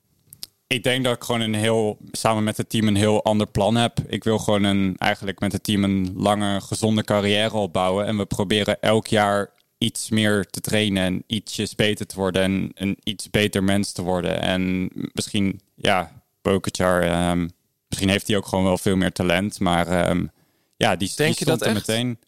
Ehm, ja, ik, ik weet het niet. Nou ja, als je naar Lavenier kijkt, misschien zijn we een beetje gelijkwaardig. Maar misschien heeft hij een heel ander traject. En wilde die, hij er meteen staan, heeft hij er meteen alles voor gedaan. En eh, ik doe het stap bij stap. Het is gewoon een ander traject en ik voel me hier beter bij. Ja. Het is wel, er zit wel, als ik jou er zo nu zie, we ontmoeten elkaar vandaag voor het eerst. Er zit wel een soort a man with a plan hier aan tafel. Heb ik het idee. Ja, dat, eh, ja dat, dat is het ook wel, denk ik. En, wat, en waar moet dat plan dan eindigen? Ja, als ik net zei, een, eh, een lange, gezonde carrière. En ik, dan ben ik tevreden als ik alles eruit heb gehaald. Ehm, ja, en geen, ja, mezelf niks kan verwijten eigenlijk. Maar je plakt dan nog geen eh, doelen aan. Tenminste, niet, die, die wil je niet met ons delen. Nee, ik, ja, ik heb niet echt die doelen. Ik wil gewoon het beste uit mezelf halen. En als ik daarmee de Tour kan winnen, nou ja, dan ben ik blij. En als ik het beste uit mezelf haal en ik moet strijden voor een top 10 of een top 20 of een top 30. En, maar ik kan wel heel veel betekenen voor het team. Daar ben ik daar net zo blij mee. Het is gewoon, ik kan niet meer doen dan mijn best. En ja, Ja. Dat, dat is mijn doel. Maar bij, bij DSM zullen ze toch ook wel met plannen in hun hoofd lopen als ze jou zien. ja, denk ook van. Tenminste, John, jij bent ploegleider geweest. Ik, ik, als ik, als ik Timer zo zie en de koersen heb gezien die die, die, die gereden heeft, dan denk je, nou, die gaat, die gaat misschien beginnen eens een keer met eh, proberen eens eh, hoog te eindigen in Parijs-Nice. Eh, en, en bijvoorbeeld Romandie. En het jaar erop eh, top 10 rijden in een grote ronde. Of is dat dan... Is dat gek om zo te Nee, helemaal niet. Maar ik denk vooral belangrijk is om lekker zonder druk gewoon die rondjes te blijven rijden. En kijk, mocht uh, Tijmen eh, naar de Tour gaan een keer, weet je, eh, zolang ene Mathieu van de Poel bijvoorbeeld meerijdt, zullen alle ogen toch op hem gericht zijn. En we hebben natuurlijk een tijd gehad, ik refereer net aan Geesing bijvoorbeeld, Ja. dat er echt werd gedacht van, er moet een nieuwe Joop Zoetemelk komen. Iemand, we moeten hebben iemand nodig die top 3 rijdt in een grote ronde. Mhm. Ja, die hebben we nu al. Hè. Steven Kruiswijk heeft het gedaan in de Tour. Tom. Tom Dumoulin heeft natuurlijk zelfs de Giro gewonnen. Dus Mhm. die druk is er een beetje af. En dat is voor Timon denk ik wel fijn dat hij daar eh, ja, dat het verwachtingspatroon niet zo, zo hoog ligt in ieder geval. Dat hij gewoon langzaam kan groeien en zijn eigen plan kan eh, uitwerken. Ja. Nog even voor de mensen die dat even willen weten. is wel leuk. Die top 10 van die, eh, die ronde van de toekomst. Poca won daar. Meder werd derde. Vlasov vierde. Champoussin vijfde. Sosa zesde. Almeida zevende. Eddie Dunbar reed daar ook al achtste. En Tobias Vos, rijdt die nog steeds bij Jumbo-Visma? Of ging die? Ja. Die werd daar eh, negende. En die eh Michael Ries, Luxemburg, werd tiende. Een gouden lichting zo. Hè? Kan je zeggen, ja. Op allerlei niveaus ook. Hè? Klassieke niveau en de rondes. Ja. Hey, Ilan van Wilde, moet je toch eens over hebben. Dat is een goede, goede, goede ploegmaat. Is hij nou... We hebben hem dit jaar weinig gezien, blessures gehad, gedoe ook met de ploeg. Maar is hij nou te vergelijken met Remco Evenepoel? Qua postuur wel, denk ik. En Ja. qua talent? Qua talent ehm, vind ik lastig, eh, Mhm. lastig om te zeggen. Ik, eh, ik, ik weet niet wat Remco ervoor doet en wat hij laat en hoeveel hij traint en zo. Maar als je gewoon puur naar de jeugdprestaties kijkt, denk ik dat, denk ik dat het wel eh, te vergelijken is inderdaad. Dat, Ja. eh, ik weet ook, ja, ik heb van Ilan natuurlijk gehoord wat hij ervoor deed bij de junioren. Dan denk ik van, ja, als het te vergelijken met mezelf, gewoon veel plezier en eh, stap voor stap. En zo stond Ilan er ook in. En misschien leefde Remco echt als een prof. En dan heb je ook al snel een verschil bij de junioren. Mhm. Maar als je puur naar postuur kijkt, hoe ze op de fiets zitten, qua ja, wat, ze, wat ze echt kunnen, waar hun sterren krachten liggen, dan, kracht, krachten liggen, Ja. dan eh, ja, zijn ze wel te vergelijken, denk ik. Ja. Is, is een slimme renner? Ja, zeker. Hij kan ook heel goed positioneren. Dus ehm, hij eh, kan de koers volgens mij ook wel goed, echt goed lezen. Ja. ja, want dat mis even de poel toch wel een beetje. Dat echte, dat, dat, dat koersgochme. Daar eh, heeft hij nog wel wat moeite mee. Hey, ehm, we gaan naar muziek. Eh, toen ik Timer appte van joh, eh, wat voor tracks zij willen draaien, was het eigenlijk alleen maar loud. We're gonna choose the blue pill. We're gonna close the curtains. We're gonna rabbit hole down third act love now. She's gonna flip some tables. I'm gonna move this table. We're gonna rabbit hole down third act love now. We'll be the proud remainers. Run away from laatste vier kaartjes gekocht. Ik had, eh, ik had voorrang, dus voordat het officieel uh, Oh, je bent lid? Ah, echt? Je bent lid van de fanclub? Nee, ehm, ik kreeg via Spotify een deal of zo. Eh, dat het meest naar luisteren. about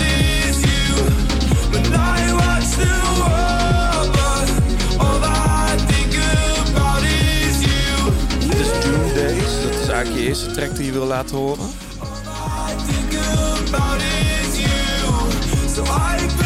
Maar jij, jij zit ook echt naar de teksten te luisteren. Ja, ik vind het leuk om eh, te analyseren eigenlijk. Waarom vind je dit een mooie track dan? Ehm, eigenlijk omdat de band eh, en de zanger Dan Smith hier eigenlijk zingt over de, ja, de hedendaagse anxieties, onzekerheden eigenlijk. Dus ja, fake news, phone addiction, ehm, klimaat, ontkenners. En dat vind ik ook leuk om over na te denken zelf. Als ik eh, een duurtraining heb, dan eh, kan ik over dat soort onderwerpen nadenken. En dan als mijn favoriete band dan daar ook over zingt. En met ook zo'n goed liedje, vind ik. Ehm, ja, met zulke sterke teksten, niet een standaard liefdesliedje of zo, dan, eh, Nee. ja, dan kan ik daar echt van genieten. Nee, het is voor de mensen die het niet kennen. Het, het, het klinkt misschien op het eerste gehoor als een, gewoon een, een, een, een regular feestband. Een beetje dancey. Maar die teksten gaan inderdaad, eh, eh, die teksten gaan inderdaad over het hele leven. Ja. Over die, die phone addiction gesproken. Hè? Ben jij zo iemand? Ja, ehm, wel een beetje. Dus, Ja? ehm, maar dat is ook het mooie van, eh, van de zanger zelf, Dan Smith. Die zegt van, ja, als er iemand phone addiction heeft, dan, dan heb ik het wel. Dus dan vind ik het juist heel mooi dat hij er dan over kan zingen. En ja, dat is gewoon een beetje de maatschappij van nu. En Ja. daar zingen zij ook over, de ik maatschappij herken van het nu. ook Dus- wel hoor, die telefoonverslaving. Ja, ik heb het zelf ook. Dus Heb jij het je echt- telefoon op je nachtkastje liggen bijvoorbeeld? Ja, het is mijn wekker. Ja, maar dat, dat is het probleem. Ik zei laatst Ja. tegen mijn vriendin... we moeten gewoon weer een ouderwetse wekker kopen. Want dan is niet ochtends het eerste wat je doet... is je wekker uitslaan. Maar het is eigenlijk meteen je telefoon pakken. We zijn gewoon in de greep van een apparaat. Ja. Maar wat doe jij eraan? Niks. Ja, zelf, ja, zelf eh, doe ik er ook niet zo heel veel aan. Ik, eh, ja, het is... Ja, nee. ik, Nee, hè? ik denk er vooral veel over na, over hoe we... Ja, wat de maatschappij is, zeg maar. Over dat soort onderwerpen dat, eh waar Bestel ook over zingt. Ehm, Denk ik zelf op de fiets veel over na. Maar ja, zelf... Ik ben ook heel erg van bewust dat, eh, net als de zanger zelf, dat we het zelf ook hebben. Maar het hoort bij de maatschappij en eh, vind ik gewoon leuk om over na te denken. It isn't enough to start a riot, to store the light beam until I like me. It isn't enough if this is real life. I'll stick to dreaming. Come see what I see. Feeling like if this is life, I'm choosing Als fiction. stil draai je wel erg veel, hè? Ja. Ja. Maar het helpt je ook wel met, met trainingen. Ja, zeker. Maar het, ja, het komt natuurlijk ook bij. ehm, ja, ondanks zo'n sterke tekst eigenlijk, is het gewoon ook een heel mooi liedje, vind ik. Ondanks. Ja, nee, Ja? het is toch ook een hele kunst van een artiest. Eh, ik ben zelf geen artiest natuurlijk, maar ehm, ja, ik vind het heel knap dat je met zo'n tekst, zo'n eigenlijk zo'n mooi liedje dat zo opbouwend is, dat ook ehm, staat voor de noodzaak, zeg maar, van dat het naarmate de tijd vordert steeds noodzakelijker wordt om daar misschien wat aan te doen. Ja. Ehm, ja, dat je dan zo'n boodschap ook kan overbrengen in zo'n mooi liedje. Ja, net als Distorted Beam bijvoorbeeld. In here I'm winning. Defeat the big boss. Game over your loss. Feeling like this ain't life. I'm choosing fiction. Whoa, faith. Sta je dan ook te dansen in de Ziggo straks? Ik kan niet dansen. Nee? Dus eh, nee, ik geniet eh, zelf gewoon een beetje, denk ik. Beetje met de kop knikken zo. Inderdaad. When I'm dreaming tonight, I can go anywhere. When I'm dreaming tonight, I can be anyone. So don't wake me up, don't wake me up. When I'm dreaming tonight, I can do anything. When I'm dreaming tonight, I can go. Als je blokken moet doen op training, dan staat deze ook aan. Ja, en eh, vooral zo'n uplifting eh, muziekje, zeg maar. Van, en dan van Bestill, want ik vind eh, House of EDM eigenlijk ook heel erg chill om eh blok op te doen. Heb ik eigenlijk opstaan. Maar vooral als Bestill dan zo'n liedje heeft met zo'n sterke tekst en sterk onderwerp ook weer, dan, eh, ja, dan eh, ben ik echt groot fan. Maar heb jij, heb jij tijdens blokken tijd om, om over dat soort dingen na te denken? Nee, daarom eh, luister ik dus meer house en eh, dat Ja. soort dingen om gewoon van de beat te genieten en Ja. eh, daar hard op, Ja. hard, eh, hard op te gaan. Dus. En dan in duurtraining, als ik echt eh, rustig die 220, 230 watt rijd, dan eh, denk ik over dat, eh, ja, die andere onderwerpen. Ja. Train je veel alleen eigenlijk? Ja, eigenlijk bijna altijd. Ja. Eh, af en toe eh, spreek ik misschien met Martijn af of zo. Ja. Of, eh, of iemand anders, met Tus inderdaad. En, maar vaak eigenlijk alleen. Ja. Ik ook wel eh, wat chill eigenlijk. Gewoon een beetje zelf in gedachten en eh, ja, over dat soort dingen nadenken. Distorted Light Beam. Alle songs eh, die we draaien, ook van onze gasten, die staan in jouw playlist, John. Die kun je terugvinden op De grote plaats songs. de grote plaats songs. Flinke lijst al hoor. Ja, moet, blijft die zo lang of moeten we die een keer opschonen? Of, Nee, ik hoor van heel veel mensen die, eh, die hem zeg maar eh, nu ontdekken, zelfs los van de podcast, die het uh, zo op abonnees zelfs al iets van 1500 of zo. Oh, wat leuk. Ja, blijf hem lekker aanvullen. Heel goed. We gaan, eh, we gaan naar het Shimano Service Center. Joost. Joost, goedemiddag, daar ben je weer. Joost Hoetemans, mensen, u kent hem inmiddels eh, van Shimano. Eh, is is eh, ja, een bekende in het peloton. Waar, ehm, waar gaan we het deze week over hebben, ehm, Joost? De, de winter staat voor de deur. Ik heb zoiets, dan breng ik vaak even mijn fiets toch even weg. Winter klaarmaken. Winter klaarmaken, ja, ja. Het is een, eh, een mooie term die ik ook vaak gehoord heb terwijl ik zelf in de winkel werkte. Ja, ik vraag me af, wat is winter klaarmaken? Bedoel je, ik breng mijn fiets weg en ik laat hem eigenlijk klaarmaken voor de zomer, omdat ik hem de winter niet ga gebruiken? Mhm. Of ga je je fiets klaarmaken omdat je in de winter door gaat fietsen? Ja, ik, Kijk, wij eh, zijn doorfietsers. Jullie toch? zijn doorfietsers. Ja, ja dan, dan zou ik zeggen... ehm, Misschien ja, wel wat- iets meer gravel eh, mountainbiken dan, de, dan de roadbike. Maar- Ja, winter klaarmaken. Ik, ik vind zelf, maar dat is zeker ook mijn achtergrond als mechanieker, maar ook werkzaam met eh, high-end componenten. Je fiets moet altijd klaar zijn. Dus ik geloof niet in of winter of zomer klaarmaken. Een fiets moet goed zijn. En je kan beter eh, voor een algehele check-up gaan en een desbetreffende mechanieker laten uitleggen wat tijd is om klaar te maken. Ehm, een, een eerste ding wat in mij opkomt bijvoorbeeld voor een winter. Winter slechter weer. Je bent een doorfietser. Pekel. Pekel Mhm. is killing voor alles wat Mhm. op de weg is. Ja. Het is je auto. Maar dus ook voor je, je racefietsje of mountainbike in dit geval. Eh, naar een mooie zomerperiode en de boel is nog goed en niet versleten... zou ik sowieso een nieuwe ketting leggen. Na de zomer dus. Ja, dus voor de winter. Voor de, ja. Hè, dus na de zomer voor de winter. Eh, als je op tijd bent met een kettingvervanger... en daar kun je je in een servicecenter bij helpen door te zeggen... hoe versleten de huidige is... ben je op tijd met een kettinglek... hoef je namelijk geen tandwielen en cassetten te vervangen. Mhm. Dit kan jouw winter gewoon leuk maken... zonder dat je voor, ik noem maar wat, een, een heel groot bedrag... alles kapot eh dreigt te rijden. ja. Ehm, Want een, een, een, een ketting die niet goed is, daar, daar slijt je tandwielen heel hard mee. Of zo. Ja, en ook nog eens het fiets minder prettig. Mensen die veel fietsen, je voelt een versleten of een, een, een vieze ketting echt in vergelijking met een schone ketting. Ah, sterker dat is nog- ook geen fabeltje. Even los van dat is je hem, eh, het niet kan ook gewoon gevaarlijk zijn, want hij kan gewoon van het buitenblad afspringen naar het binnenblad. Ja, na slijtage kan eh, inderdaad... eh, zou dat kunnen gebeuren, maar dan moet je blad ook al wel erg ver heen zijn. Ja, maar is of dat hij overslaat achter. Ja. Dat hij over Ja. de tand Ja, maar dan ben je al te heen laat. Dan dan, ben je, te laat. ja. dan ben je te laat. Want Ja. in principe slijt je buitenblad en je cassette pas als je ketting op aan het raken is. Ja. Als het één op één goed is, rij je niet een cassette kapot met een goede ketting. Nee. Dus ja, op tijd wisselen is eigenlijk het devies. En dat kan je een hoop eh, ellende besparen. Maar je, jij zei net al, ehm, eh, pekel is killing voor je fiets. Eh, Ja. Je bent zelf een mountainbiker. Ja. De mountainbiker ook veel te verduren. Ja. Met zand. is het dan extra belangrijk om daarop te letten? Op slijtage? Ik, ik zou veel schoonmaken? persoonlijk in de winter de fiets altijd poetsen. Het zijn allemaal dure dingen. Het is onze hobby. We willen daar plezier mee hebben. Dus ja, dan is schoonmaak ook een klein onderdeel van die hobby. Eh, een mountainbike, ja, dat is veel eh, zandgrond. Ik, ik schaam me soms een beetje als ik mijn mountainbike dan naar een Shimano Service Center breng. En dan zeg ik, ja, sorry jongens, ik heb hem niet schoongemaakt. En, dan, en dan hoor je altijd, oh, dat valt nog mee. We krijgen veel erger binnen. En, maar het mooie is, ik krijg hem altijd wel weer schoon terug. Oh, dat doen ze, dat doen ze netjes. Dat doen ze netjes. Hey, en dan, dan wat anders. Eh, ik ben een fanatiek indoor fietser. eh Mhm. Taxen met Swift. Tuurlijk. Eh, daar, ik, ik zweet er nogal. Mhm. Je kunt koelen zoveel je wilt. Ehm, eh, dat, dat moet je ook goed schoonmaken. hè? Want dat is ook echt... Zout is ook heel slecht voor je onderdelen, toch? Ja, ja eh, dingen worden wel beter, maar, maar zout, zweet is uiteindelijk, als je het laat indrogen, ook, ook een, een bijtende stof. Hè? Het gaat vaak vooral niet, niet om per se het zweet, maar om de pH-waarde.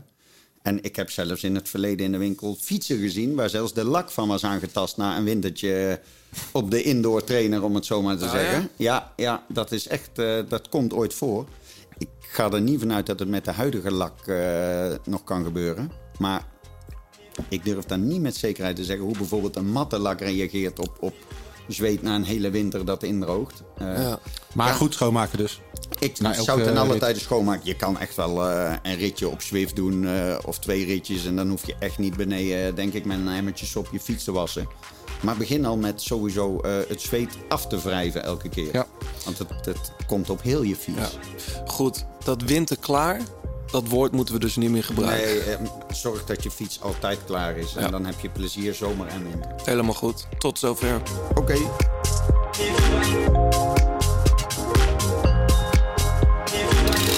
Maak jij je fiets winterklaar, Tijmen?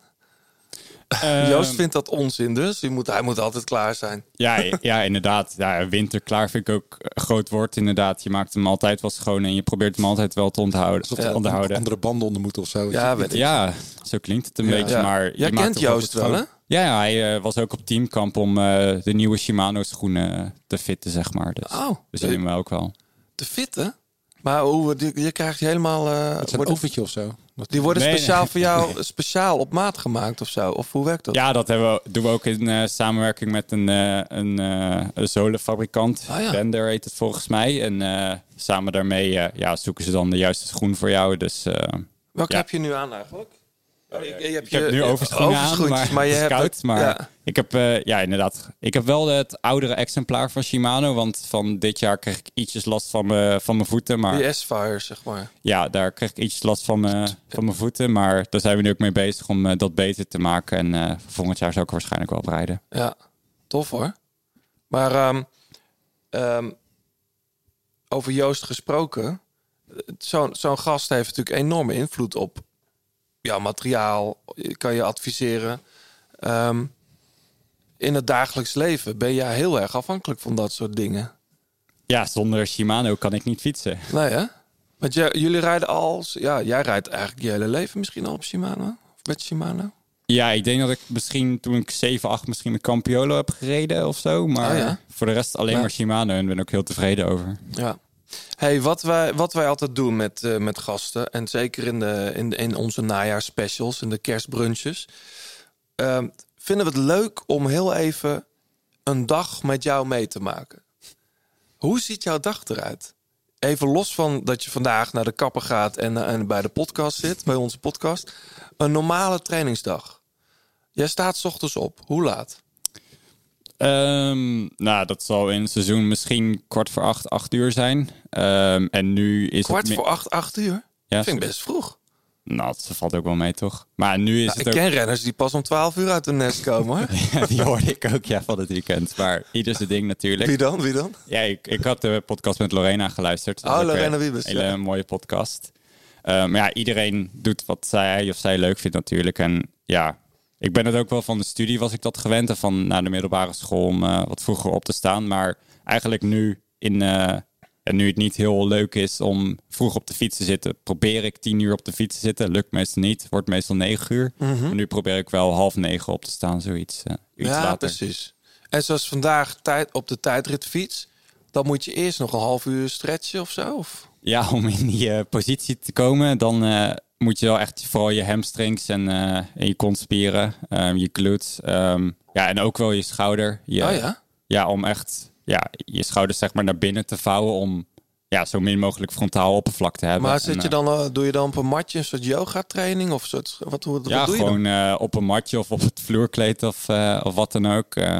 Ja, het, is, het zijn eigenlijk hele simpele oefeningen. Gewoon de hamstrings rekken, de glutes rekken, je schouders rekken. En ja, tot, eh, dan kom je ook wel in positie. Ja, het is jammer dat de mensen het niet kunnen zien, maar, maar die, die beugel van Tijmen, die staat gewoon echt, die, die, die ligt gewoon naast elkaar. Er zit gewoon geen ruimte tussen. Nou, maken we wel even een foto. dat gaan we doen, ja. Maar ehm, ontbijten, is dat dan voor het stretchen of daarna? Ehm, ik doe het er meestal voor. Ja.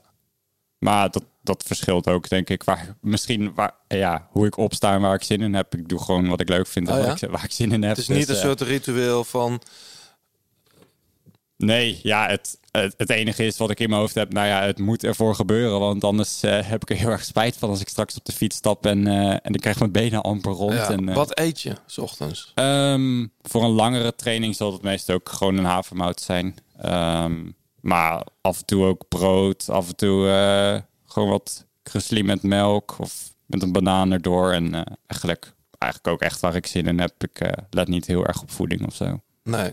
En dan eh, koffietje erin of Ja, koffietje altijd. Heerlijk. espresso koffie. of Ja, ja.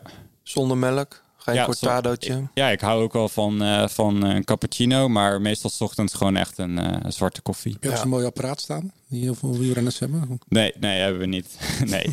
Ja. Je zegt we, je woont samen? Nee, ik eh, woon met mijn ouders. Oh, je woont bij je ouders Ja, en eh, ik heb een hele goede band met mijn ouders en mijn zusje. Dus eh, ja, ik zie ook zeker geen, eh, geen noodzaak om weg te gaan. En ook vorig seizoen ben ik zoveel van huis geweest dat mijn ouders eigenlijk gewoon blij waren dat ik weer thuis was. Ja. Dus, eh, dat, En eh, jij zelf ook wel? Ja, ik zelf ook natuurlijk. Maar hoezo moet je dan nu zelf je fiets schoonmaken? Want dan kan je pa dat nog steeds doen. Ja, dat kan hij zeker doen. Maar ja, ik heb eh, heel veel aan mijn ouders te danken bij de jeugd. Dus ik kan, het wordt ook tijd dat ik een keer wat teruggeef, denk ik. Ja, dat ben ik wel met je eens. Ja. Hey, ehm, en je woont nu in Beest. Ik moest even opzoeken waar dat lag. Want Del ken ik wel. Dan rijd ik altijd langs de, A, dat is langs de A2 in Utrecht. Knooppunt. Ja. Oh, inderdaad, ja. Ehm, Beest, dat is bijna richting Den Bosch of zo. Nou, Beest is vijf kilometer van Del vandaan. Gewoon op dezelfde hoogte. Klinkt, klinkt alsof het bijna in Brabant ligt. Nee. Oh, maar dat is dus niet zo. Nee. Nou, is het goed trainen daar? Want je zou zeggen...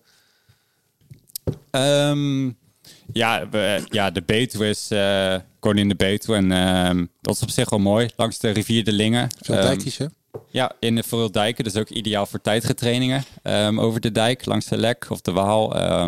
Dus op zich, ja, langs de Lingen is de Betuwe heel erg mooi. Maar voor de rest is het eigenlijk alleen boerderijen, polder. Dus ja, zoals gisteren heb ik 3,5 uur ook door de Utrechtse Heuvelrug gereden. Maar ik kan ook naar de Drunense Duinen. Als ik, ik kan, ja, voor lange duurtraining kan ik naar Nijmegen. Ik kan naar Rotterdam. Ligt eraan hoe de wind staat. Dus Ja. op zich, eh, ik heb alle wegen ook al wel een beetje gezien. Maar eh, ja, het ik, eh, valt hartstikke goed. Maar als, als ik zelf ga fietsen, hè, dan vind ik dat lekker om dan terug wind mee te hebben. Ja, ik ook. Dat- ja, sommige Precies hetzelfde, ja. Oké, Ja. gelukkig maar.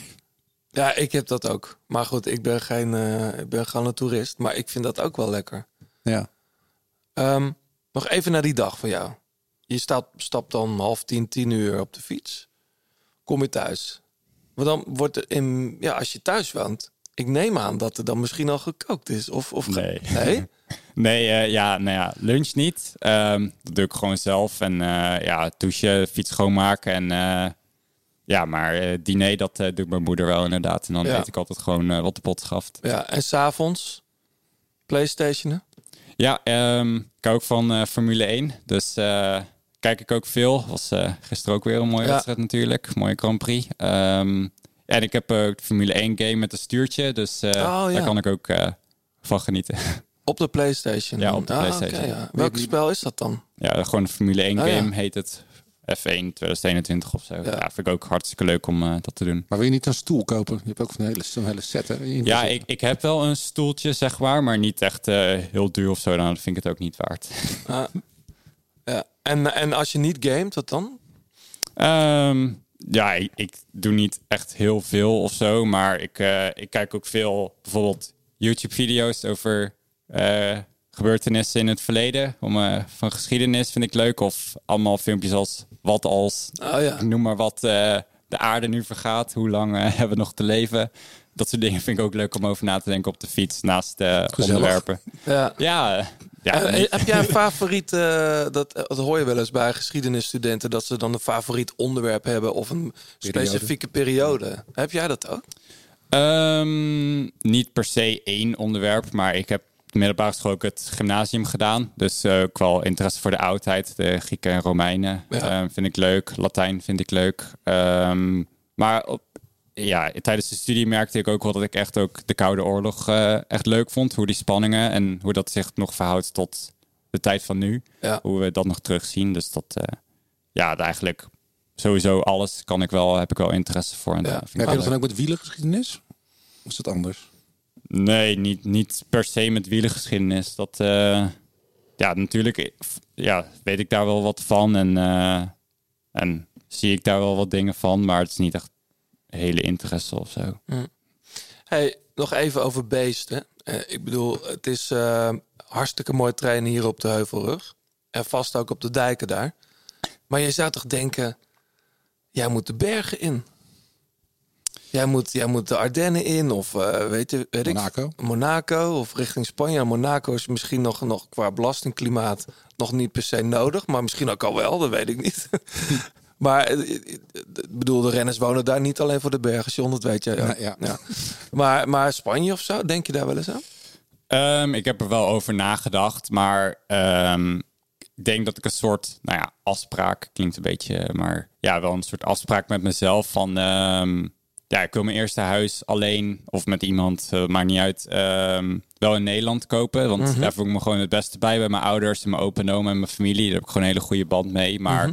Wil zeggen, ehm, Ehm, als ik echt succesvol word in eh, en misschien een laatste paar procentjes kan halen uit om naar Andorra te gaan of wat dan ook, dan wil ik dat wel proberen. Maar ik zie de noodzaak niet. Maar alleen als het echt nodig is om zeg maar van om op het podium te komen of te kunnen winnen, zeg maar, om als ik er echt alles voor wil gaan doen. Maar Ja. ik zie niet echt de noodzaak.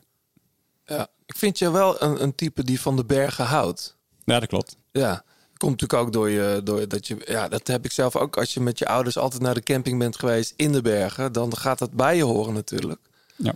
Toch zei jij net van, ik win liever een tijdrit in een grote ronde dan een, een, een rit over een Alpenkool. Nou ja, een tijdrit is echt een gevecht met jezelf, zeg maar. En daar Ja. komt ook zoveel bij kijken. En eh, het team, ja, het is ook echt een samenwerking met het team. Het team kan ook heel veel voor je betekenen. Dus eh, ja, dat vind ik ook hartstikke mooi. Hey, over dat team gesproken, hè? je had het net al over je trainer. Wat, wat, is, wat is zijn rol eigenlijk? In hoeverre bepaalt hij jouw agenda op een dag? Op een gewoon een doordeweekse trainingsdag? Nou, het is eigenlijk heel simpel. Hij eh, bepaalt gewoon mijn training. En eh, ja, dat is het eigenlijk Ja? wel. En dan eh analyseer... an- ja, eigenlijk, ik ben wel vrij assertief daarin. En ik stuur hem eigenlijk el- bijna elke dag wel een berichtje van hoe het ging. Behalve rustdagen natuurlijk. En dan hebben we daar een eh, discussie over. Zo van, ja, dat het in de goede lijnen gaat. Of dat we een beetje moeten bijschaven. En, eh, en dan dus misschien een uurtje extra, misschien een uurtje minder. Of ik voel me niet zo goed. En eh, ja, daarin hebben we altijd een heel goed contact. Ja, maar bijvoorbeeld, je zei in het begin al, hardlopen date ik wel eens, maar dat, de ploeg vindt dat nu niet zo handig in de opbouw. Is het zo dat jij, dus morgen, weet ik veel, ik, heb, ik heb morgen zin om eigenlijk even op de mountainbike te stappen. Kan dat dan? Of hoe werkt dat eigenlijk? Ja, dit is wel de periode om dat te doen. Ehm, November. dus- ja, ja, Ja. zeker. Dus eh, ja, dan als ik dat daar zin in heb, dan, dan kan dat zeker. Maar helaas heb ik, eh, denk ik twee weken geleden mijn mountainbike uitgeleend aan mijn oom, die ook fietst. En, dat moet je nooit doen. ja, dus je kan Die hem wel, invullen. Die, ja, er zat een tak tussen de achterbrug, Oh, nee. dus die wordt nu gemaakt ergens. Dus Ja. precies deze periode waar ik erop kan rijden nu. Wat voor die- maat? Maar er moet toch wel even een mountainbike te regelen zijn voor jou, Tijmen. Ja, nou ja, hij wordt gemaakt, dus Ja. eh, hij komt vanzelf weer terug. Maar vooralsnog, eh het weer is goed, eh, het is droog, dus ik vermaak me prima op de weg. Ja, ja. Hey, ehm, ik, we gaan nog even naar een stukje muziek. Ik heb, ik heb ook nog iets meegenomen. En ik heb het deze keer gecheckt, John. We hebben eh Nilufer Janja al eens gedraaid. Ik denk in 2019. Een van onze eerste shows volgens mij. Echt? Wat ik hem meegenomen van de Miss Universe vrouw. Ja, en eh, ik, ze heeft een nieuwe track uit. Ja. Stabilize. De grote plaat kopgroep.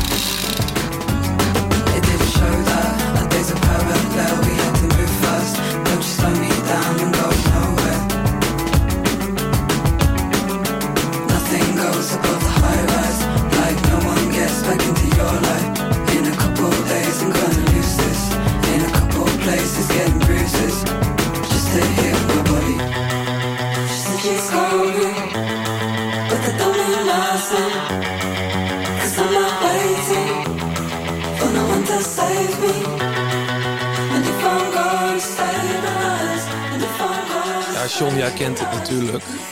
Het de- deed me heel erg denken aan een blockparty.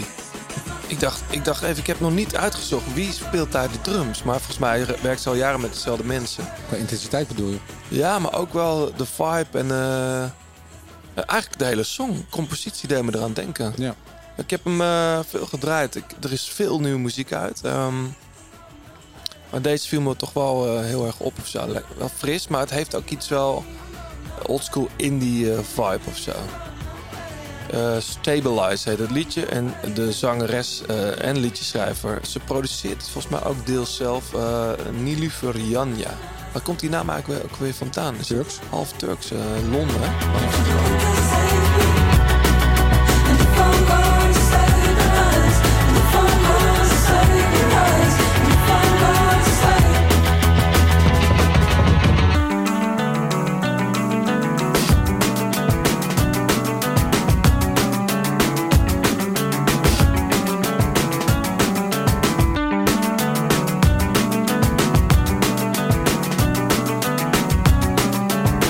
Grote plaat, laatste kilometer. In de laatste kilometer blikken we altijd vooruit, normaal gesproken naar wedstrijden. Eh, en wie waar gaat winnen. En daarvoor doen we altijd hele leuke voorspellingen. Eh, dat gaan we toch wel weer doen volgend jaar, John. Die Zeker. Ja. Ehm, hoe, hoe ziet jouw winter er eigenlijk uit nu? Het is nu half november. Ehm, de kerstversieringen staan, zitten nog in de doos bij jullie thuis. Maar er komt een kerstboom. Maar even eh, over het fietsen gesproken. Wat, wat ga jij doen eigenlijk? Ehm, we hebben sowieso een teamkamp gepland, eh, half december. Dus ehm, dat sowieso. En tot die tijd gewoon eh, hier in Nederland. eh, ik heb niks gepland, dus gewoon hier in Nederland de kilometers maken. Vooral duurtraining, denk ik. Ehm, maar eigenlijk rond de kerstperiode en oud en nieuw wil ik wel weer wat gaan crossen. Oh ja? Wat, Wedstrijdjes? ja, ja, ja, één nationale en wat regionale crossjes eigenlijk doen. Leuk. Ja, gewoon puur voor de intensiteit. Omdat we hebben gezien dat, ja, ik dat mijn lichaam dat nodig heeft en dat aan kan. Ehm, dat ik gewoon echt veel training en veel intensiteit nodig heb. Dus ja, wat is dan een betere manier dan crossen om dat, eh, dat te doen? Ja. En vooral omdat ik het leuk vind. Heb je die nieuwe crossfiets van Scott al? Nee, ik, ik, heb, eh, ik heb geen squats, dus daarom eh, ja, kan ik ook niet in België rijden natuurlijk. Nee. Maar dat is toch wel... eh, of is dat ook weer corona-issues? Ja, ja, ja, ja, iedereen die een eh, nieuwe fiets wil kopen, eh, ja, het is gewoon een jaar wachttijd of zo. Dus ja, Dat dat, hebben is voor jullie een als prof, prof- niet echt anders. Nee, joh. Ja, dat is wel jammer, ja. Ja, dat is jammer, maar het is niet anders. Dus dan eh, kan ik Nee. alleen maar eh, blij zijn met dat er toch nog een crossfiets voor me is. Ja. En dan fiets je gewoon even overspuit met Scott erop. Dat is toch ook heel normaal, John? Nou, dat denk ik als er dan wat met die fiets gebeurt, dan, eh, dan zijn, het, zijn de rapen gaar. Nou, ik was wel benieuwd, want eh, Joris Nieuwhuis zat, zat hier ook een keer. Ehm, die kost natuurlijk eh, best wel veel. Ehm, en en die, die, ik was wel eigenlijk benieuwd hoe die, hoe die Scott-fiets eigenlijk kost. Want Ja. hij rij- reed voorheen natuurlijk op Cervelo, wat geen echte crossfiets was. Meer een gravelfiets. Maar goed, eh, jij hebt er nog niet op gezeten, Tuin.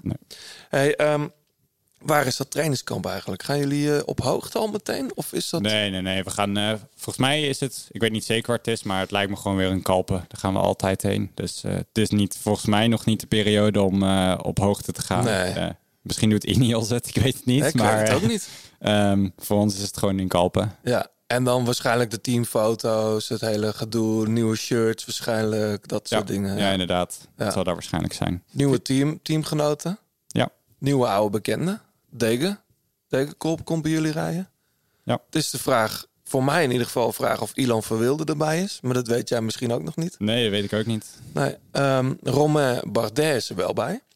Ga je aankomend jaar een soort van gelijk programma als Bardet rijden?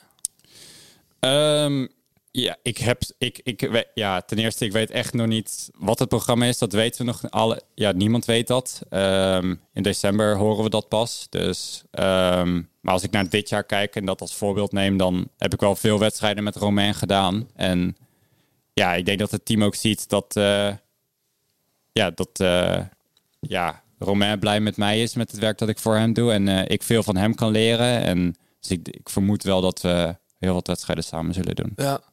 Wat worden de grootste veranderingen, denk je, voor jou?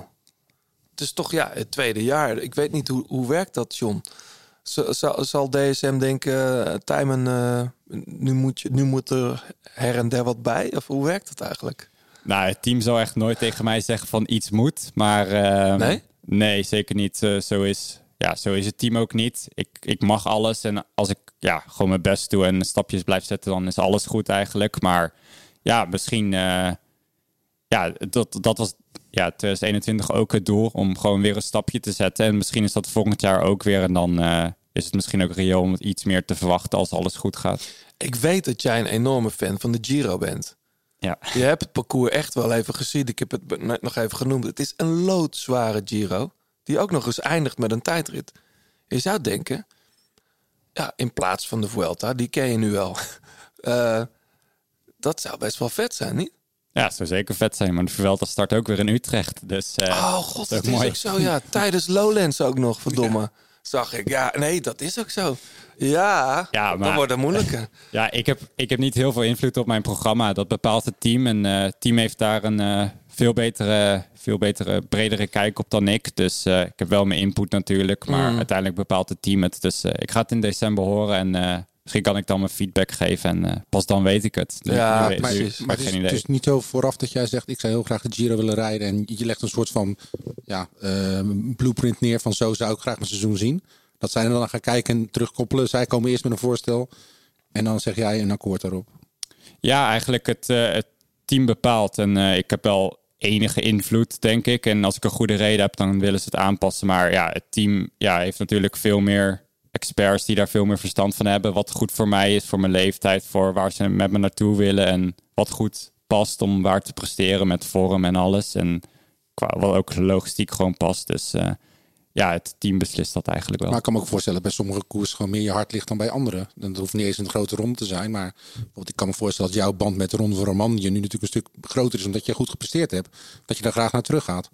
Ja, nou ja, je moet natuurlijk ook kijken naar het parcours. En dat eh, verschilt natuurlijk ook per jaar. En eh, het team heeft daar gewoon een veel betere kijk op dan ik, denk ik. Dus eh, zoals met alles een beetje, ja, vertrouw ik het team daar volledig, volledig mee. Want ja, er zitten gewoon natuurlijk hele slimme mensen en heel veel experts bij het team. Dus ja, daar hebben ze echt...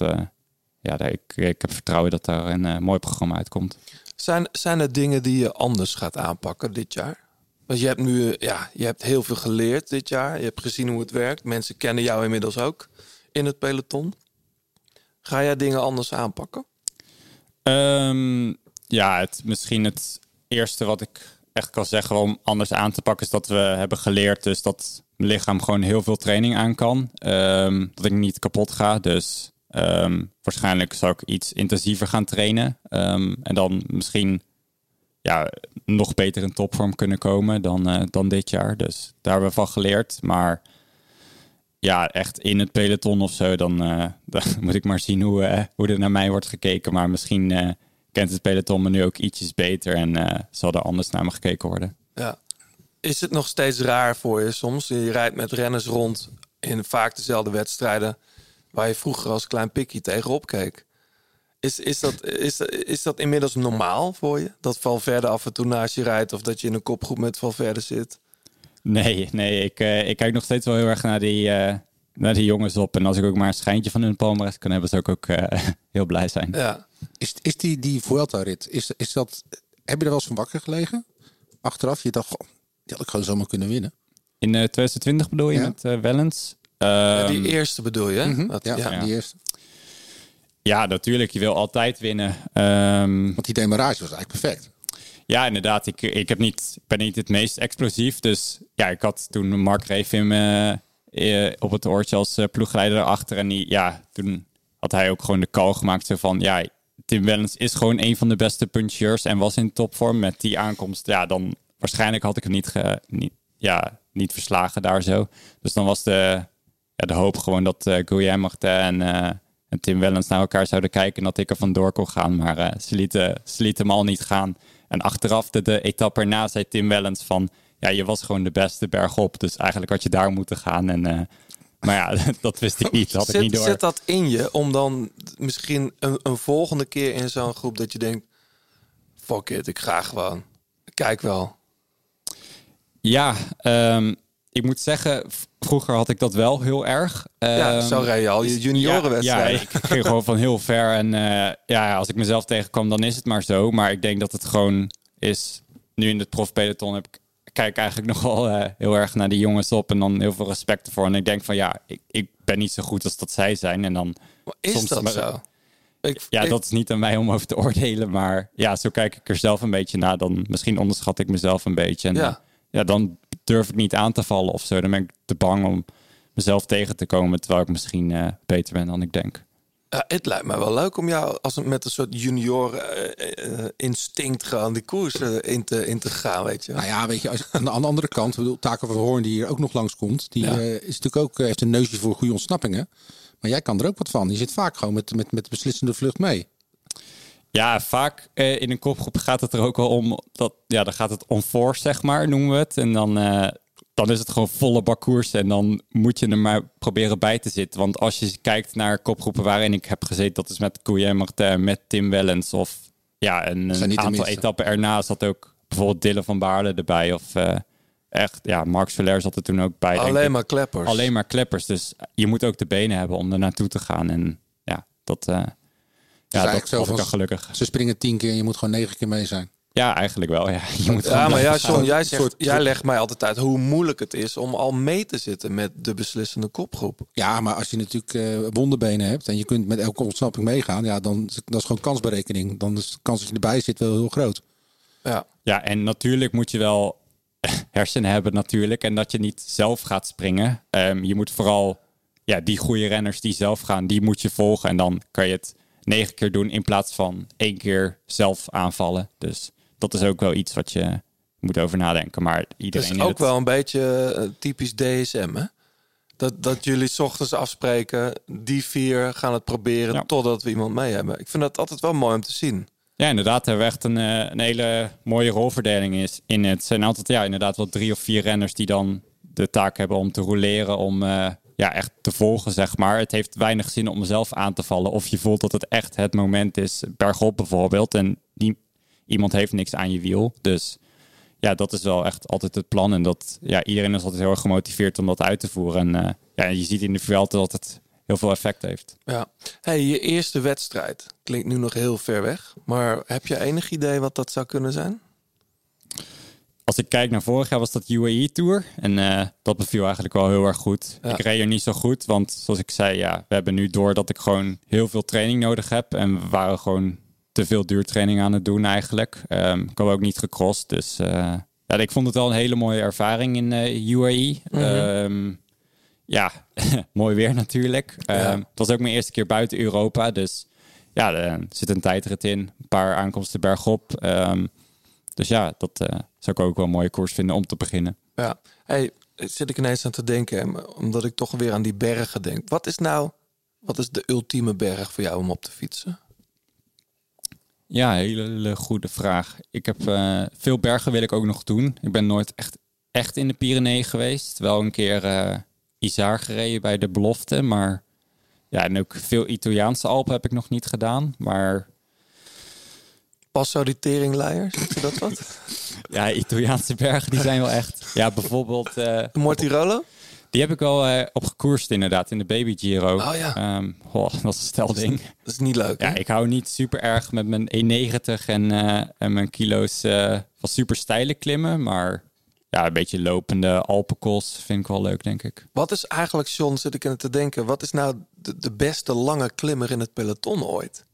Indurain. Nou, nou ja, dat is toch geen klimmer? Nou, Zo'n pak, zo'n Ja. dat is altijd, dat, de klimmers zijn altijd van die hele kleine mannetjes die heel hard kunnen demareren. Waar, waarom is Indurain geen klimmer?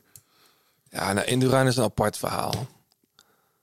Ik vind Miguel Indurain die... Nee, dat vind ik... eh, nee, noem eens iemand anders. Ja, echt lange. Rooks. Steven Rooks? Dus 1,87. Ja. Hoe weet je, hoe heb je dat zo Ja, paraat? dat, dat weet ik. Misschien is het wel zo. Nee, dat denk ik. Dat zit zo in mijn hoofd. Maar misschien is het gelul. Eh, ik denk... Ik ga het gewoon opzoeken. Zal er nog wel in staan ergens. Nou ja, je kan God, ook staat gewoon geen aan, lengte eh, bij. aan goede tijdrijders denken die goed kunnen klimmen. Dus een Dumoulin, een. Thomas of een Froome, inderdaad. Dus het zijn ook langere gasten. Misschien Ja. een beetje vergelijkbaar met eh, waar ik naartoe probeer te gaan. Daar probeer je naartoe te gaan. Nou ja, als Dat ik zijn ook- nogal namen? Ja, als ik, eh, ja, zoals ik eh, vaak heb gezegd, een schijntje van hun palmares kan hebben, zou ik ook heel blij zijn. Dus eh, Ja. nou ja, het, het, maar het, ja, het feit is dat het wel ehm, renners zijn die bij mijn type renner passen. Die hebben een goede tijdrit, kunnen goed klimmen. ehm, zijn ook nog goed in een derde week. Dus als ik een beetje naar dat niveau toe kan groeien, dan zou ik heel blij zijn. Ja. Hoe zijn de oliebollen in Beest? er weer vandaan? Ehm, zijn er nu nog niet, denk ik. Maar, Jawel, toch? Misschien eh, heb ik het eh, dorp nog niet eh, Nee. goed, bekeken, maar ik heb ze nog niet op in ieder geval. Hey, fantastisch dat je er was. Veel plezier op de terugweg. Je, nu, terug ga je de korte route. Korter, ja. Korter. En dan heb je hoeveel uur op de tijdrit Eh, fiets Er stond 2,5 uur op de planning, dus 90 kilometer. Ik zit even hard op de... 36 gemiddeld, 36 gemiddeld. denk ik. Dus dat is voor jou eigenlijk een koffieritje. Ja, het is gewoon duurtraining. Duurtraining. Ja. Ja, het is een tijdrit fiets, hè, dus dan gaat het wel een stukje harder. Als ik op de gewone fiets zal het 31, 32 zijn of zo. Is dat, het, is dat het verschil zo? Ja, ja, ja. ja. Ah. Ja, het is uh, is eh, stu- heel veel sneller natuurlijk. Je hebt gewoon veel minder frontaal oppervlakte. Oh, dus ja, dan, het gaat gewoon een stuk sneller. Ja. En na de kapper weer stretchen. Of voor de kapper. nou, als ik eh, goed heb gestretched net, dan eh, is het niet meer nodig. Dus dan eh, Ah, oké. is het gewoon herstellen. Ik heb wel even een probleempje nu, want ik heb natuurlijk een flesje wijn mee meegenomen. Maar ik had helemaal niet nagedacht dat... eh Nee, dat gaat niet mee, denk ik. Nee, dat gaat niet mee. Nee, maar renner op een tijdritfiets met een, met een, met een fles wijn in zijn Ja, die achterzak. sturen we nog wel even op dan. Ja. Tijmen, nogmaals ontzettend bedankt. Wij zijn hier eh, zeer binnenkort weer met een volgende kerstbrunch. Dan zit hier Rianne Marcus, als ik het goed heb. ja, zeker. Ehm, we willen nog wat mensen bedanken. Allereerst natuurlijk Fleur Wallenburg voor het uitlenen van haar prachtige stem. Ja, 36 Cycling voor de fietskleding eh, die je hier kunt winnen als je een leuke comment achterlaat of een eh, mooi verhaal hebt. Eh, Pankra voor het logo van de grote plaat. En, natuurlijk Garmin en Tax, onze zeer gewaardeerde sponsoren. Ja, de titelsponsoren. En jullie bedankt natuurlijk voor het luisteren. Laat even een reactie achter op Apple Podcast of op Twitter, de Grote Plaat. En wie weet hou je de volgende keer de podcast. Tot zover en eh, tot de volgende. Tot volgende keer.